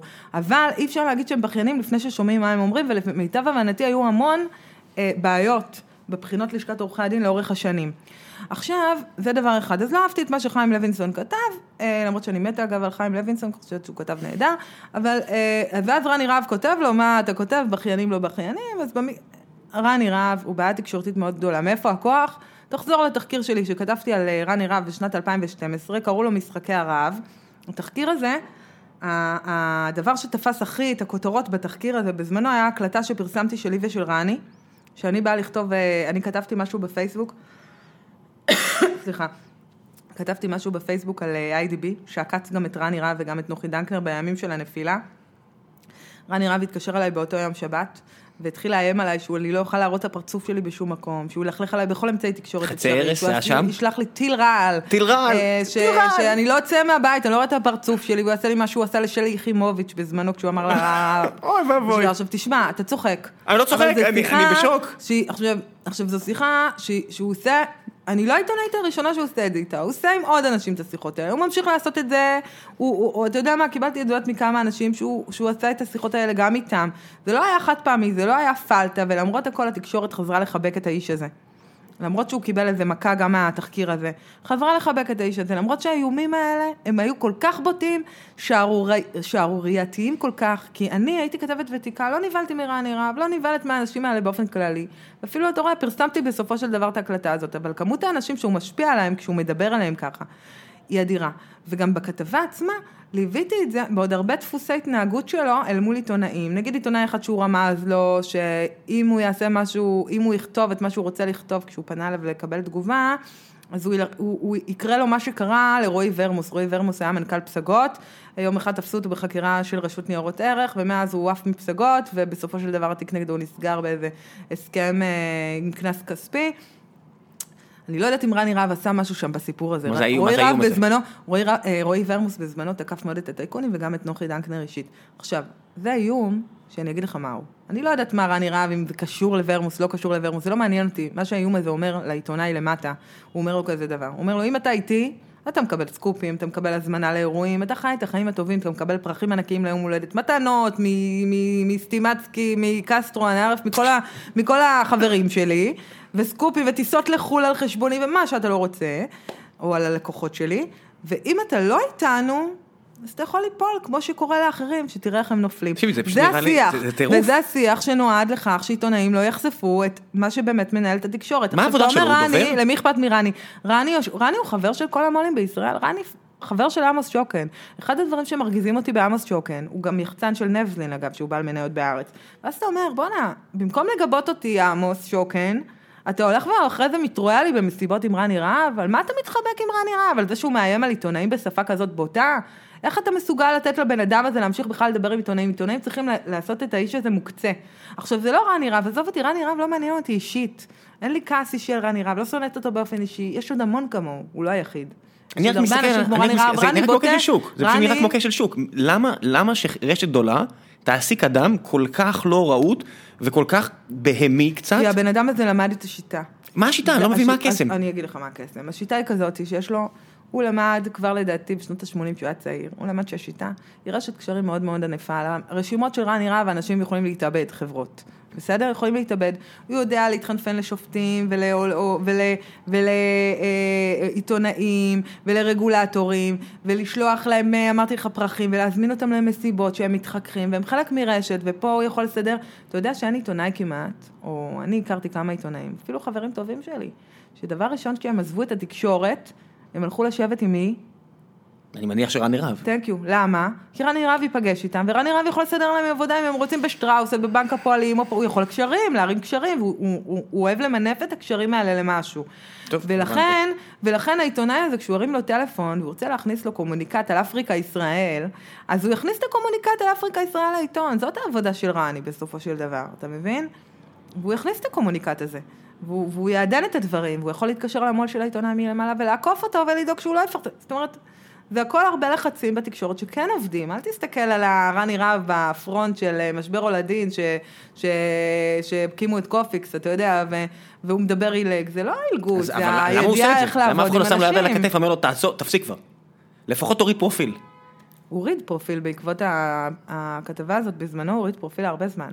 וואלה. ועכשיו הוא קצת חוזר, אבל הוא הוריד פרופיל הרבה מאוד זמן, כן. טוב, אני לא, זה, לי זה מרגיש כאילו יש איזה כשל שוק, איך יגיע מישהו פשוט... אבל עוד פעם, רני הוא לטעמי, יש הרבה, יש אנשים, יש אה, אה, יועצים ואנשי יחסי ציבור מאחורי הקלעים שעושים נזק אה, לא פחות גדול לציבור מרני רהב, באופן שבו הם משפיעים על הסיקור התקשורתי, באופן שהם משפיעים על מקבלי ההחלטות. רני רהב פשוט דמות כזאת שקל יותר, ו... או, או, או לאהוב אותה ולחוס עליה, או לחמול עליה, או לרתוח עליה ולשנוא אותה. אבל הוא לא, הוא כבר לא, ובזמנו הוא באמת היה הכי גדול ביחצנים, אבל היום המפה קצת השתנתה, ויש הרבה אנשים שעושים את זה בנעימים, והם לא פחות מסוכנים לכולנו. אה, שואלים פה על אה, סדר היום שלך, קווים לדמותו של העיתונאי mm. העצמאי, רפאל כהן שואל. Mm. גם כשהייתי עצמאית, גם כשאני עצמאית היום, סליחה, וגם כשהייתי שכירה, סדר היום שלי נראה אותו דבר, מהבחינה הזאתי של אין לו, אין לי, אה, אין לזה התחלה ואין לזה סוף. אני עובדת כל היום, אני יכולה לקבל טלפונים בלילה וטלפונים בבוקר. אה, אה, אני תמיד אה, זמינה לאנשים שמתקשרים, לסיפורים חדשים, אני עושה את השיחות שלי לפעמים בלילה כי אני לא מספיקה, אני תמיד באיזה לחץ לא נורמלי להספיק דברים. ואני לא מספיקה שום דבר, זאת התחושה, הרבה כתבות שאני רוצה לעשות, הרבה סיפורים שאני רוצה לטפל בהם ולא מגיעה אליהם, אז אני ממש עובדת מהשנייה שאני קמה עד השנייה שאני הולכת לישון, באמצע אני כמה שעות עם הילד שלי, יש לי ילד בן שלוש, אז אני כמה שעות עם הילד שלי, ואני בשעות האלה דווקא מנסה, כן, אני אענה פה ושם לטלפון, אבל אני מנסה ממש, אה, אני לא אענה, אני לא, לא, לא, לא אטפל בדברים תוך כדי, אני לא מסוגלת לעשות את זה. אלון דוד היה פה לפני כמה שבועות, הטלפון שלו נראה כמו עץ אשוח, זה לא מפסיק אה, לצפצף, כן, להבהב, כאילו כן. כל הזמן שולחים הודעות. נראה לי מקשה כן. על החיים ברמה... אז אחד, אני לא כתבת שוטפת, אני לא בן אדם שמסקר דברים באופן שוטף, אז זה פחות אינטנסיבי ברמה היומיומית. שתיים, הטלפון שלי תמיד על שקט, אני לא יכולה לסבול, לא, לא לסבול צלצולים. שלוש, אה, יש משהו שאני לא נהנית ממנו, כמו שנהנים עיתונאים אחרים, וזה אה, אה, קשר עם יחצנים. אצלי אין 15 אלף יחצנים שמתקשרים ביום. אה, כי אין לי מה לדבר עם יחצנים, לא מעניינים אותי, לא יזיזו אותי שום דבר, וככה היה גם אה, מאז ומתמיד, ולכן, אתה יודע, זה יורד ממני ולוביסטים יורדים ממני, ואני משלמת על זה גם מחיר לפעמים. אגב, בסיפורים בלעדיים, שיהיו לי פחות, בגלל שאין לי כל היום על האוזן את האנשים שמושכים בתחותים, זאת אומרת, את המקורות האלה, ש... הם לא נמצאים לי, אין לי איזה מקור קבוע שאני כל היום מקבלת ממנו תדלוקים כל הזמן, איזה מישהו במשטרה וזה, אז אין לי את הצד החיובי, זאת אומרת, אין לי את הצד של הניג'וס שלהם, וגם אין לי את הצד של הבלעדיות שלהם. אמ, אבל באמת, הטלפון שלי יותר שקט, ואני בוחרת מה, מה אני רוצה לעשות. רגב לרנר שואל, אה, למה לדעתך העיתונות בישראל לא מבקרת כלל את ההסתדרות? אמ, אמ, כי אני, יש כמה... כמה סיבות. אמ, אני חושבת שנגיד, בוא נתחיל מהסיבה הפשוטה יותר, שהיא פחות קונספירטיבית, היא יותר טבעית. יש הרבה עיתונאים אה, אה, שלא רוצים לבקר את ההסתדרות מתוך מחשבה שההסתדרות, לבקר את ההסתדרות זה לבקר את העובדים הפשוטים. העובדים אוקיי? החלשים. את העובדים החלשים. אמ, והלא מחוברים. אה, לטעמי זה שגוי מהיסוד, כי ההסתדרות, כמו בהרבה גופים אחרים שראינו, גם ההסתדרות, גם עופר עיני, ו, ועכשיו גם ניסנקורן ממשיך דרכו, מייצגים בעיקר את הוועדים הגדולים והחזקים במשק, ולא את הקטנים שבהם. או את עצמם. ואז, או את עצמם, כמובן. לפי קבוצים זרים. תקשיב, לשרת את הוועדים הגדולים במשק, אני מתכוון, זה לשרת את עצמם. כי הם משרתים אותם בגלל כוח, ובגלל היכולת של הארגונים האלה, נגיד, המעורבות שלהם בבחירות, אתה יודע, הקשרים, הכסף, זה הכל. כשאני אומרת לשרת הוועדים החזקים, זה ברור מלכתחילה שהם עושים את זה למען אינטרסים, ולא עושים את זה אה, למען כלל העובדים. לכאורה, כל ה-caveats האלה, כן, בסדר? בואו... כן. כן. אמ, אז אה, אני חושבת שזאת סיבה אחת. סיבה שנייה, יש אה, כאמור לעיתונאים הרבה הטיות. אז זה יכול להיות אה, קשרים עם אה, עופר עיני, קשרים שונים ומשונים, קשרים שיש לעיני בשלטון בזמנו שהיו, אני אומרת עיני כי עיני רוחו עדיין מרחפת על ההסתדרות, אה, אה, וזה היה לאורך השנים, איזה קושי. אולי קושי של אה, חומרים לאסוף, אני, האמת, אני לא... תשמעי, אני, אני אמרתי, אני לא... חיבור, ב- זה ברשימת קצת, ה... זה בעצם, מה זה, מה זה ההסתדרות? ההסתדרות זה גם אה, חלק מהמועדון הון שלטון הזה שאנחנו מכירים, אתה כן. מבין? של האנשים שמחוברים אה, אה, אה, לעטינים של השלטון, מקבלים, מקבלים ממנו המון הטבות על חשבוננו, הופכים הרבה פעמים להיות פוליטיקאים, הכל מעורבב והכל. אה, והעיתונים לא, העיתונים לא מספיק חזקים ולא מספיק ביקורתיים ולא... אה, לא מסוגלים לזה, אבל האמת שאם גיא רולניק מגיע לכאן אה, עוד. כמה זמן, החודש, אז זו שאלה מצוינת לשאול אותו. כן, ברשימת הגילאים הנאותים, מכיר את עופר עיני, Mm.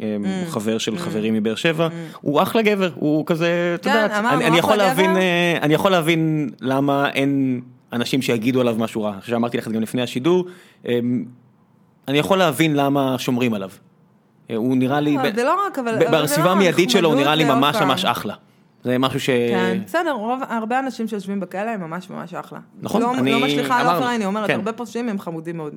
כן, אז לגבי הפושעים אמרנו, כן, עד עד שיוכח אחרת, עד שיוכח ליתר דיוק, אבל... בקיצור, אה, התשובה כן. שלי מגומגמת על ההסתדרות, אני לא יודעת להגיד מספיק. אה, אני יודעת שבאמת דה מרקר כתב המון על הוועדים החזקים במשק, שזה בעצם לכתוב על ההסתדרות, אבל הוא היה העיתון היחיד, אני, אני מתקשה וגם להגיד. אותו האשימו גם במק- במקום הכי חם בגיהנום, אם זה נכון, דני, אה, נכון, גוטווין דני וגם- גוטווין, אז האשימו את רוניק בזה שהוא אה, אה, אנטי עבודה מס- מסוימת. כל דיון מיד הולך או יותר מדי אישי, או נכון. יותר מדי אה, אידיאולוגי, נכון.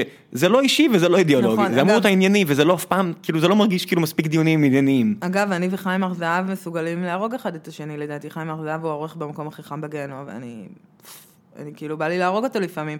כי אני מבחינתי, את הנזק המרכזי לעובדים בישראל, עושים הארגונים, הוועדים הגדולים במשק.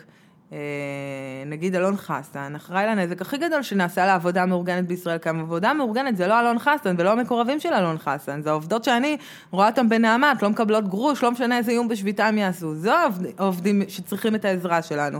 וכשההסתדרות שמה את כל המשאבים שלה על הוועדים הגדולים בגלל כל מיני אינטרסים פוליטיים ואחרים, אז אה, היא באמת אה, כושלת כאן אה, כישלון גדול. אוקיי. ארי מידן שואל, נשאר לא הרבה, שואל, כעיתונאית אג'נדה, האם היא תפרסם מאמר או תחקיר שיחשוף מנהיגה פמיניסטית או ארגון פמיניסטי? אה, יש עוד שאלות, בוא נתחיל בזה. אה, בוא נתחיל בזה, מבחינת ארי. היית עוצרת עצמך לא לפגוע שאלה במישהו שאת מאוד שאלה מעריכה? טובה, טובה, טובה. אמ, נורא קשה שלא, אני מניח. אם אה, זה תחקיר טוב וסיפור טוב, הייתי עפה על זה. ותחקיר פחות טוב, שאולי את מפרסמת על מישהו שממש לא בא לך עליו, אבל את יודעת, אה, אפשר שלא? פחות טוב. אני אומר, תחקיר שהוא ברמה, דרדלה. הוא תחקיר דרדלה, מצד שני, לא בא לך לפגוע בבן אדם או באישה הזו. איך אפשר שלא? אני, אני, אני עיתונאי שאת יודעת, אם אני כאילו נוטה לא להאמין לך אם לא, תגידי לי שלא. זו שאלה כי... טובה, בש- השאלה לפמיניזם היא שאלה מצוינת, האמת. כי אם היה שואל אותי על ימין ועל שמאל, הייתי אומרת שאני כאילו בפנן על כל פוליטיקאי. רק תביא לי כאילו איזה פוליטיקאי כן. ותחקיר עליו, אבל לא אכפת לי מאיפה דליה איציק וזה. מה שאתה לא רוצה, כאילו מהשמאל, מהימין, אני אני מתה על זה. אמ, כן, רגע. אמ, פמיניסטיות, לא- לא לא יודעת, תביאו תחקיר, אני לא יודעת, תביא תחקיר נחליט, אני לא יודעת להגיד. מי פמיניסטית? מרב מיכאלי? כן, תביא לי תחקיר על אה, מרב מיכאלי, תחקיר טוב, אני עפה על זה. יש, מי, מי הפמיניסטית. שמנסים, אני מנסה עכשיו פמיניסטית שמאתרגים אותה. שיש, שלי? שלי יחימוביץ' אצלכם, אני יודע. אה, אני בכיף, ששלי יחימוביץ' תביא, אני... מתה על זה. אוקיי. אני לא, אני לא יודעת להגיד קונקרטית, אני לא רואה, אני לא יודעת, אני לא יודעת להגיד. אני לא רואה את זה שיקול. כן, זה- זה... זה, לא, זה לא נראה לי יהווה שיקול. כמו שאמרת, את כבר אה, אמרת לפני כן, שאם יש אנשים שאת לא מרגישה בנוח לכתוב עליהם, כי כן, את בקשרי אם- ידידות איתם. נכון, אז אם תהיה מישהי שאני בקשר ידידות איתה, אולי באמת תהיה לי גם הטיה אידיאולוגית כלפיה. אבל שוב, אם זה תחקיר רציני, שעומד בסטנדרטים של תחקירים, אני אפרסם הכל. אוקיי, אה, עומר שואל אה, משהו שכבר דיברנו עליו, שאם יש הרבה גרף זה מאוד נסיבתי, אה, האם זה לא החתמה מיותרת של אנשים נקיי כפיים? אמרת שלא, כי את רק מסר- רק- רק אומרת עובדות, מי קשור למי? אני משרטטת את הקשר, החתמה, מה זה החתמה? אני לא אומרת שהם מושחתים, אני אומרת, הנה תראה, זה המועדון. זה המועדון. האם יכול להיות, עוד פעם, אני תמיד מדגישה ואומרת, האם יכול להיות שזה אנשים מדהימים ונהדרים? יכול להיות. אבל אם אני רואה את אה, עורך דין יצחק מולכו של נתניהו, לפני שנעצר בפרשה של אה, הצוללות, ואני רואה אותו יושב במוזיאון ישראל, ואני רואה אותו מקבל אשראי מציון קינן, ואני רואה ציון קינן יושב בבצלאל, ומולכו יושב בבצלאל, וממנה אנשים לבצלאל, והם נמצאים בכל מקום. אני לא מבינה איך אפשר כאילו להתעלם מהעובדה שהאנשים האלה נמצאים בצירים המשמעותיים בישראל. אה, לא שבצלאל זה כזה ציר משמעותי, פשוט הוא שם. בציר באומנות בישראל הוא דווקא כן. נכון, ברור, במוזיאון נכון. ישראל הוא גם ציר, ובנק הפועלים בוודאי שהוא ציר, וכל האנשים האלה סובבים באותם מקומות עם עורכי הדין שלהם, והם דוחפים את הילדים לפה והילדים לשם, ואני חושבת שזה לא מקרי הדבר הזה. לא מקרי. כנראה שלא. כמו ש... אני לא יודע, אני עוזר לחברים שלי, אני מניח שהם עוזרים לחברים בדיוק שלהם. אותו דבר, אבל כן. כשאתה עוזר לחברים שלך, אז אתה עושה את זה במקומות פרטיים שלך, וזה פה, כשיש מוסד כל עוד זה ציבורי. במקום פרטי, נכון. וכשכבר חוצה את הגבול הסביר, כי אתה רואה את האנשים האלה כל הזמן במשרד, באגף התקציבים במשרד האוצר, עוברים ל... ל... זה כבר כאילו חוצה את הגבול דרך הסביר. אגב, גם במקום פרטי בעיניי מאוד, זה מאוד בעייתי, משמעת נכון. תאגידית, את יודעת, אתה עכשיו בונה חברה, אני לקחתי, הרי, בוא נדבר דוגרי, Mm. אני לקחתי כסף מקרנות הון סיכון, שמי שהשקיע בקרנות הון סיכון האלה, כן. זה קרנות פנסיה. כן. כן, אני אומר, המחויבות שלי כלפי נכון. החברה הזו, היא לא שונה משל תשובה, אני צריך אני צריך להתנהג בניקיון כפיים, כי אני לקחתי כסף ממשקיעים ציבוריים בסוף. נכון. במורד הדרך אני חייב שהחברה הזאת תצליח, אני אומר לכולם, כי לקחתי כסף ממשקיעים, אני חייב להחזיר למשקיעים את הכסף, אין פה מה... נכון. זה לא כזה שונה, אני אומר, אנשים אומרים, בעסק הפרטי שלי אני אעשה מה שאני רוצה. זה לא נכון, הרי תרבות של, אה, תרבות תאגידית או, או, או של חברה תקינה, צריכה להתחיל גם מחברה של 15 אנשים. נכון, עכשיו רגע, אני אגיד לך עוד משהו, זה לא רק חברות. בוא, בוא נחזור רגע לדוגמה רני רהב, בתחקיר שפרסמתי בזמנו, וגם אחרי זה נחשפתי לזה, שרני רהב ישב באיזה ציר, שהוא גם נמצא באגודת הידידים באיכילוב, ועובד בכל מיני דברים כאלה. המשמעות, ואז אה, אה, נגיד, אה, אם אתה צריך עזרה, מישהו סיפר שם שהוא היה צריך עזרה בבית חולים. אז הוא הרים טלפון לרני רהב, כי הוא יודע שרני רהב יכול להרים טלפון שנייה לכל המנהלים של בית חולים איכילוב, ו- ולהשיג לו תור מהר או משהו כזה. עכשיו, רני רהב אוהב להיות בציר הזה, ורני רהב תמיד יעזור כשמבקשים ממנו, באמת, גם, אגב, גם לאנשים בלי אמצעים שמגיעים אליו, הוא הרבה פעמים עוזר. לא יפתיע אותי. אבל איפה, איפה הבעייתיות בזה? תחשוב אחרי זה, הבן אדם, העיתונאי נגיד שמרים טלפון ורני רהב סידר לו הקדמת תור לניתוח של אבא שלו, סתם לשם הדוגמה, הוא היום בכיס של רני רהב. וככה הרבה אנשים, בגלל שהוא יושב בצומת המרכזית הזאת, נמצאים אצלו בכיס. כן. הצומת הזאת הוא צומת שמנוצלת לצורך אה, צבירת כוח, גם אם לא הזו, במזיד. הבעיה פה היא לא רהב, היא מערכת הבריאות הציבורית. לא ש- מערכת, אבל זה לא רק בריאות. לא, אני אומר, מקום. בכל מערכת ציבורית שהיא לא נקייה מספיק, אם, את אמא שלי רופאה, אני ראיתי מקרוב, אמא שלי רופאה בת כמעט 70, הקשרים שיש לה כבר 50 שנה של רפואה בארץ, לא, לא יעזור לאף אחד מכם, רופא מביא חבר, רופא מכיר חבר, אה, רופא מכיר רופא, זה משהו מטורף בעוצמה שלו, נכון. אתה צריך להקדים תורים, שיהיה לך קרוב משפחה רופא, אני רואה את זה, ברור. אני רואה את זה, ועצם העובדה שיש את הקונצים האלה של כן. רוצים לעזור לחברים, אז נכון. מקדימים תורים, עצם העובדה שאפשר להקדים תורים, נכון. ואני מהנהנים מזה, בסדר? כן. לא איזה נהנה גדול, כולה כן, אמא שלי רופאת כן, ילדים. בבאר שבע, אפשר לא לחשוב. אבל תעשי, את יודעת, נקי, אני צוחק, אבל אני אומר, עצם העובדה שהמערכת, זה לא מקצועי. כן. שזזים פה תורים, נכון. ותורים, זה- נכון, זה מה שמכעיס אותי, נכון. לא עכשיו, רני רהב במקרה נכון, הזה. אז בגלל זה אני אומרת לך, אבל תקשיב, ורני רהב, איפה הבעיה ברני רהב, או שם גנרי לכל בן אדם אחר שניצב בצומת כזאת? הבעיה היא שהכוח הוא, הוא אדיר, למה? כי זה לא אני, אוקיי, אני עכשיו, אה, בוא, בוא נדע על האמת, מה, יש לי איזה, נגיד, קרובת משפחה אחות, אני לא ארים לטלפון, מה, ברור שכן. להקדים? ארים, תעשי מה לא שצריך. לי ברירה, אגב, תעשי אני מה מנסה שצריך, הרבה פעמים כן. שלא, אני ממש מנסה להכיל את החוקים המחמירים שאני דורשת מאחרים עצמי. ועדיין, בסופו של דבר, כן, נכון, כן. אז אני אומרת, נכון, אני מודעת לזה, אבל כשבן אדם יושב בכזאת צומת ועושה את זה במסות, אז זה פוגע בכולנו הרבה יותר קשה, והוא בכלל לא מודע לזה. זאת אומרת, אם אני חושבת פעמיים או עשר פעמים בכל דבר שאני עושה, כן. הם כבר, האנשים האלה עושים את זה כדבר שבשגרה, משלח את ידם. כל ה- זאת אומרת את כל שזה- הדבר הזה. את אומרת בצדק, זה העבודה שלו, זה לא רק כן. בבריאות, זה בבריאות, זה באקדמיה, זה באוניברסיטה, ובכל מקום. והדבר הזה, זאת אומרת, הוא- הוא- כן. הוא- הוא- אתה מוצא אותו בכל ציר את הבעייתיות כל מה שאת. אמרת לי עכשיו, מה שאני שומע, זה אה, בינוניות במערכות האלה, זה מה שמשגע אותי. לא, אתה קורא זה לזה בינוניות, כי אבל- זה שיקולים לא מקצועיים. שיקול לא לא מקצועי, זה בינוניות מבחינתי, כי לא עשית את הכי טוב שאתה יכול. בסדר. אז זה, זה מה שמכעיס אותי, כי, כי אם, אם המערכת הייתה עובדת מעולה, היה בא אל רני רהב, והדוקטור או הפרופסור היה אומר, תקשיב רני, אני אוהב אותך, אבל לא יכול, יש לי מחויבות מקצועית למקצוע שלי. כן. זה, זה כל כך חסר לי במדינה. כן, אבל זה לא רק, תראה, זה- זה זה טבע זה האדם. תרבות של קומבינה, לא, זה זה לא, טבע האדם קצת. אני- אני לא יודע אם בכל. מקום זה ככה, אני לא יודע אם בדנמרק זה לא ככה, יודעת. אני, אני, אני, אולי אני סתם אה, מאדיר את הדנים, כן. אבל יש לי הרגשה שיש מקומות שבו מישהו ירגיש לא בנוח לעשות דבר כזה. הפרופסור, לא ה... אז אני אומרת לך שאני מרגישה כבר לא בנוח לעשות דברים כאלה, ואני שופטת את עצמי מהבחינה הזאת ממש בחומרה. מרגישה לא בנוח. אוקיי, שאלה אחרונה, אה, יונתן או ג'ונתן אה, שמיר שואל, אה, מה רף הסירחון שתוכלי לנסות ולסלוח לאדם שסרח בעברו, אבל כל הזמן מנסה לתקן? השאלה הזאת היא בקונטקסט של פוסט שעלה היום, אה, זה לפני 11 דקות, היום במקום הכי חם בגיהנום, שהזכיר את אלדד יניב כאחד שאין לו זכות דיבור בגלל קשריו המושחתים בעבר. אה, עוד פעם גילוי נאות, אלדד אה, מכר טוב, חבר, אה, היה פה גם, היה פה פעמיים אפילו. האם יש רף שאת אומרת, בסדר, עשית, אנחנו יודעים על זה, בוא נעבור הלאה? אתה אחד האדם מבחינתי, או שתמיד, יש דברים שתמיד יהיו... אין לי דעה נחרצת על אלדד יניב, למשל. אני לא, אני לא יכולה לראות את עצמי מצביעה לאלדד יניב. אני יכולה להעריך הרבה דברים שאלדד יניב עושה. אז מהבחינה הזאת, אני לא יודעת אם הייתי נחרצת כמו מה שפורסם במקום הכי חם בגיהנום. מצד שני, אני גם באמת, אני מתנדנדת. אה, אני כן מאמינה שאנשים יכולים להשתנות. אה, אני לא יודעת מה הרף ה... אני לא יודעת להגיד מה רף הסליחה הציבורית שאני... שאני... מתי אפשר לשכוח ולסלוח, אני, אני לא יודעת. למה צריך בכלל אולי? למה צריכים לעשות נגיד... זה למה? למה צריך? לא בן אדם ממשיך בחייו, עושה דברים, נגיד עמנואל רוזן עכשיו יעשה איזשהו פרויקט, האם תעצרי את עצמך מלהגיד יואו זה אחלה פרויקט בגלל שתבוא איזה... לא מסוגלת להגיד זה אחלה פרויקט, גם אני לא מסוגלת, זאת אומרת, עמנואל רוזן, קופת השרצים שהוא סוחב אחריו, שעוד לא נחשפה, היא כל כך גדולה, שאני כאילו לא מבינה איזה מקום עבודה יעז להעסיק אותו, אגב, לא מעסיקים אותו.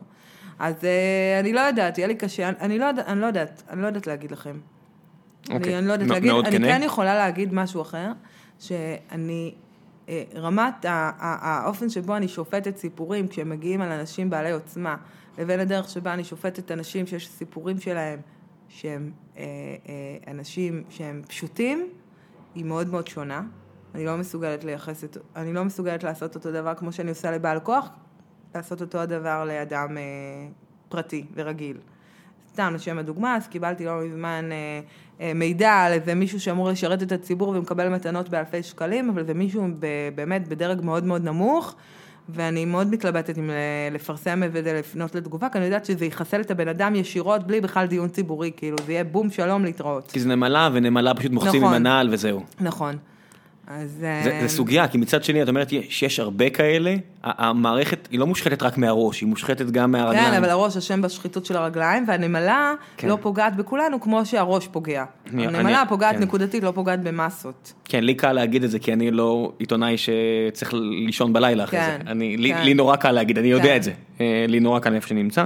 טוב, ולחלק האחרון של הפרק, אני אה, אתן לך במה להמליץ על מה שבא לך, או לקדם כל נושא שבא לך, או אה, איך אפשר להגיע אלייך להרצאות, או לשותפות הדרך שלך במקום הכי חם לגיהנום. כל דבר שבא לך.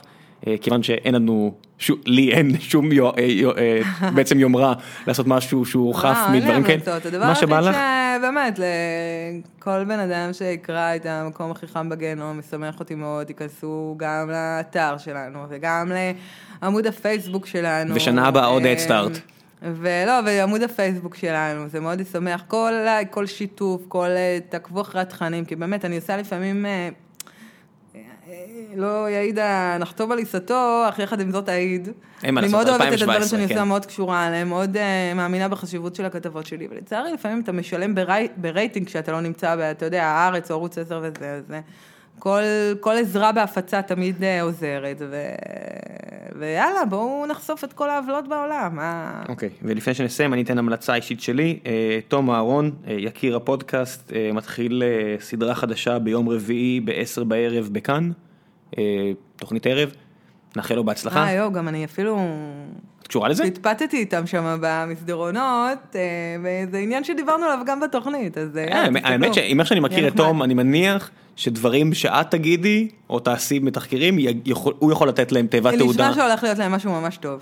כן. והם התייעצו גם עם הרבה אנשים, גם בתחום הכלכלי וזה, לא, לא, לא רוצה להרוס להם, אבל... אה, שיהיה בהצלחה, נשמע טוב שם. נורא קשה לעשות את הדברים כן. האלה, אה, ומחזק וגם. מחר, אבל אה, לא, היום, היום, על המשמר, ב- בערב, כי יש עם תוכנית טובה. לוביסטים. כן. עם נוי בר גפן, כן. אה, תראו, יש שם חלק שלך שעבדת עליו נורא קשה, עשר דקות אה, בטלוויזיה ששווה ערך לבערך שבועיים של עבודה כן, אחרת. כן, שגם ילוו בכתבה במקום, אבל... אה, מה אתם מקווים שיקרה מדבר כזה? יש לכם, אני שאתם- לא יודעת אה, נקודתית כאן אם יהיה בום ש... ש... ש... ישנה משהו, אבל אני חושבת שהכתבה הזאת, אם אני אצליח גם לכתוב אותה כמו שצריך במקביל, כאמור, לפרסום בטלוויזיה, אני מקווה שהיא תגרום להבנה ש, שגופים כמו לשכת עורכי הדין והתאחדות התעשיינים הפכו להיות הלוביסטים הכי חזקים בישראל, והם משנים כאן אה, חוקים ומקבלים כוח שאף אזרח פרטי לא מקבל, ו, וגם בהקשר של לשכת עורכי הדין, אני מקווה גם להראות איך הם לא השתלטו כמו שרק ראינו בעובדה לאחרונה על הרשות השופטת, אלא הם גם השתלטו על הרשות המחוקקת בלי ששמנו לב. ובנימה זו של השתלטויות על הרשויות בארץ, נסיים את הפרק הזה, תודה רבה. אה, ואני מאחלת לעצמי שנה בלי תביעות אה, השתקה. אני מאחל לך שתסיימי קודם כל עם השלוש האלה, כן, כן. ושיסתיימו לא, בסדר. בלי עוד, בלי עוד. ומבחינתי, אם תגידי, אני מתנצלת, זה לא כזה מפוקפק, אתם אחלה מבחינתי ותמשיכי לכתוב, זה לא גם בסדר. לא, לא. לא יודע, טוב. ביי. ביי.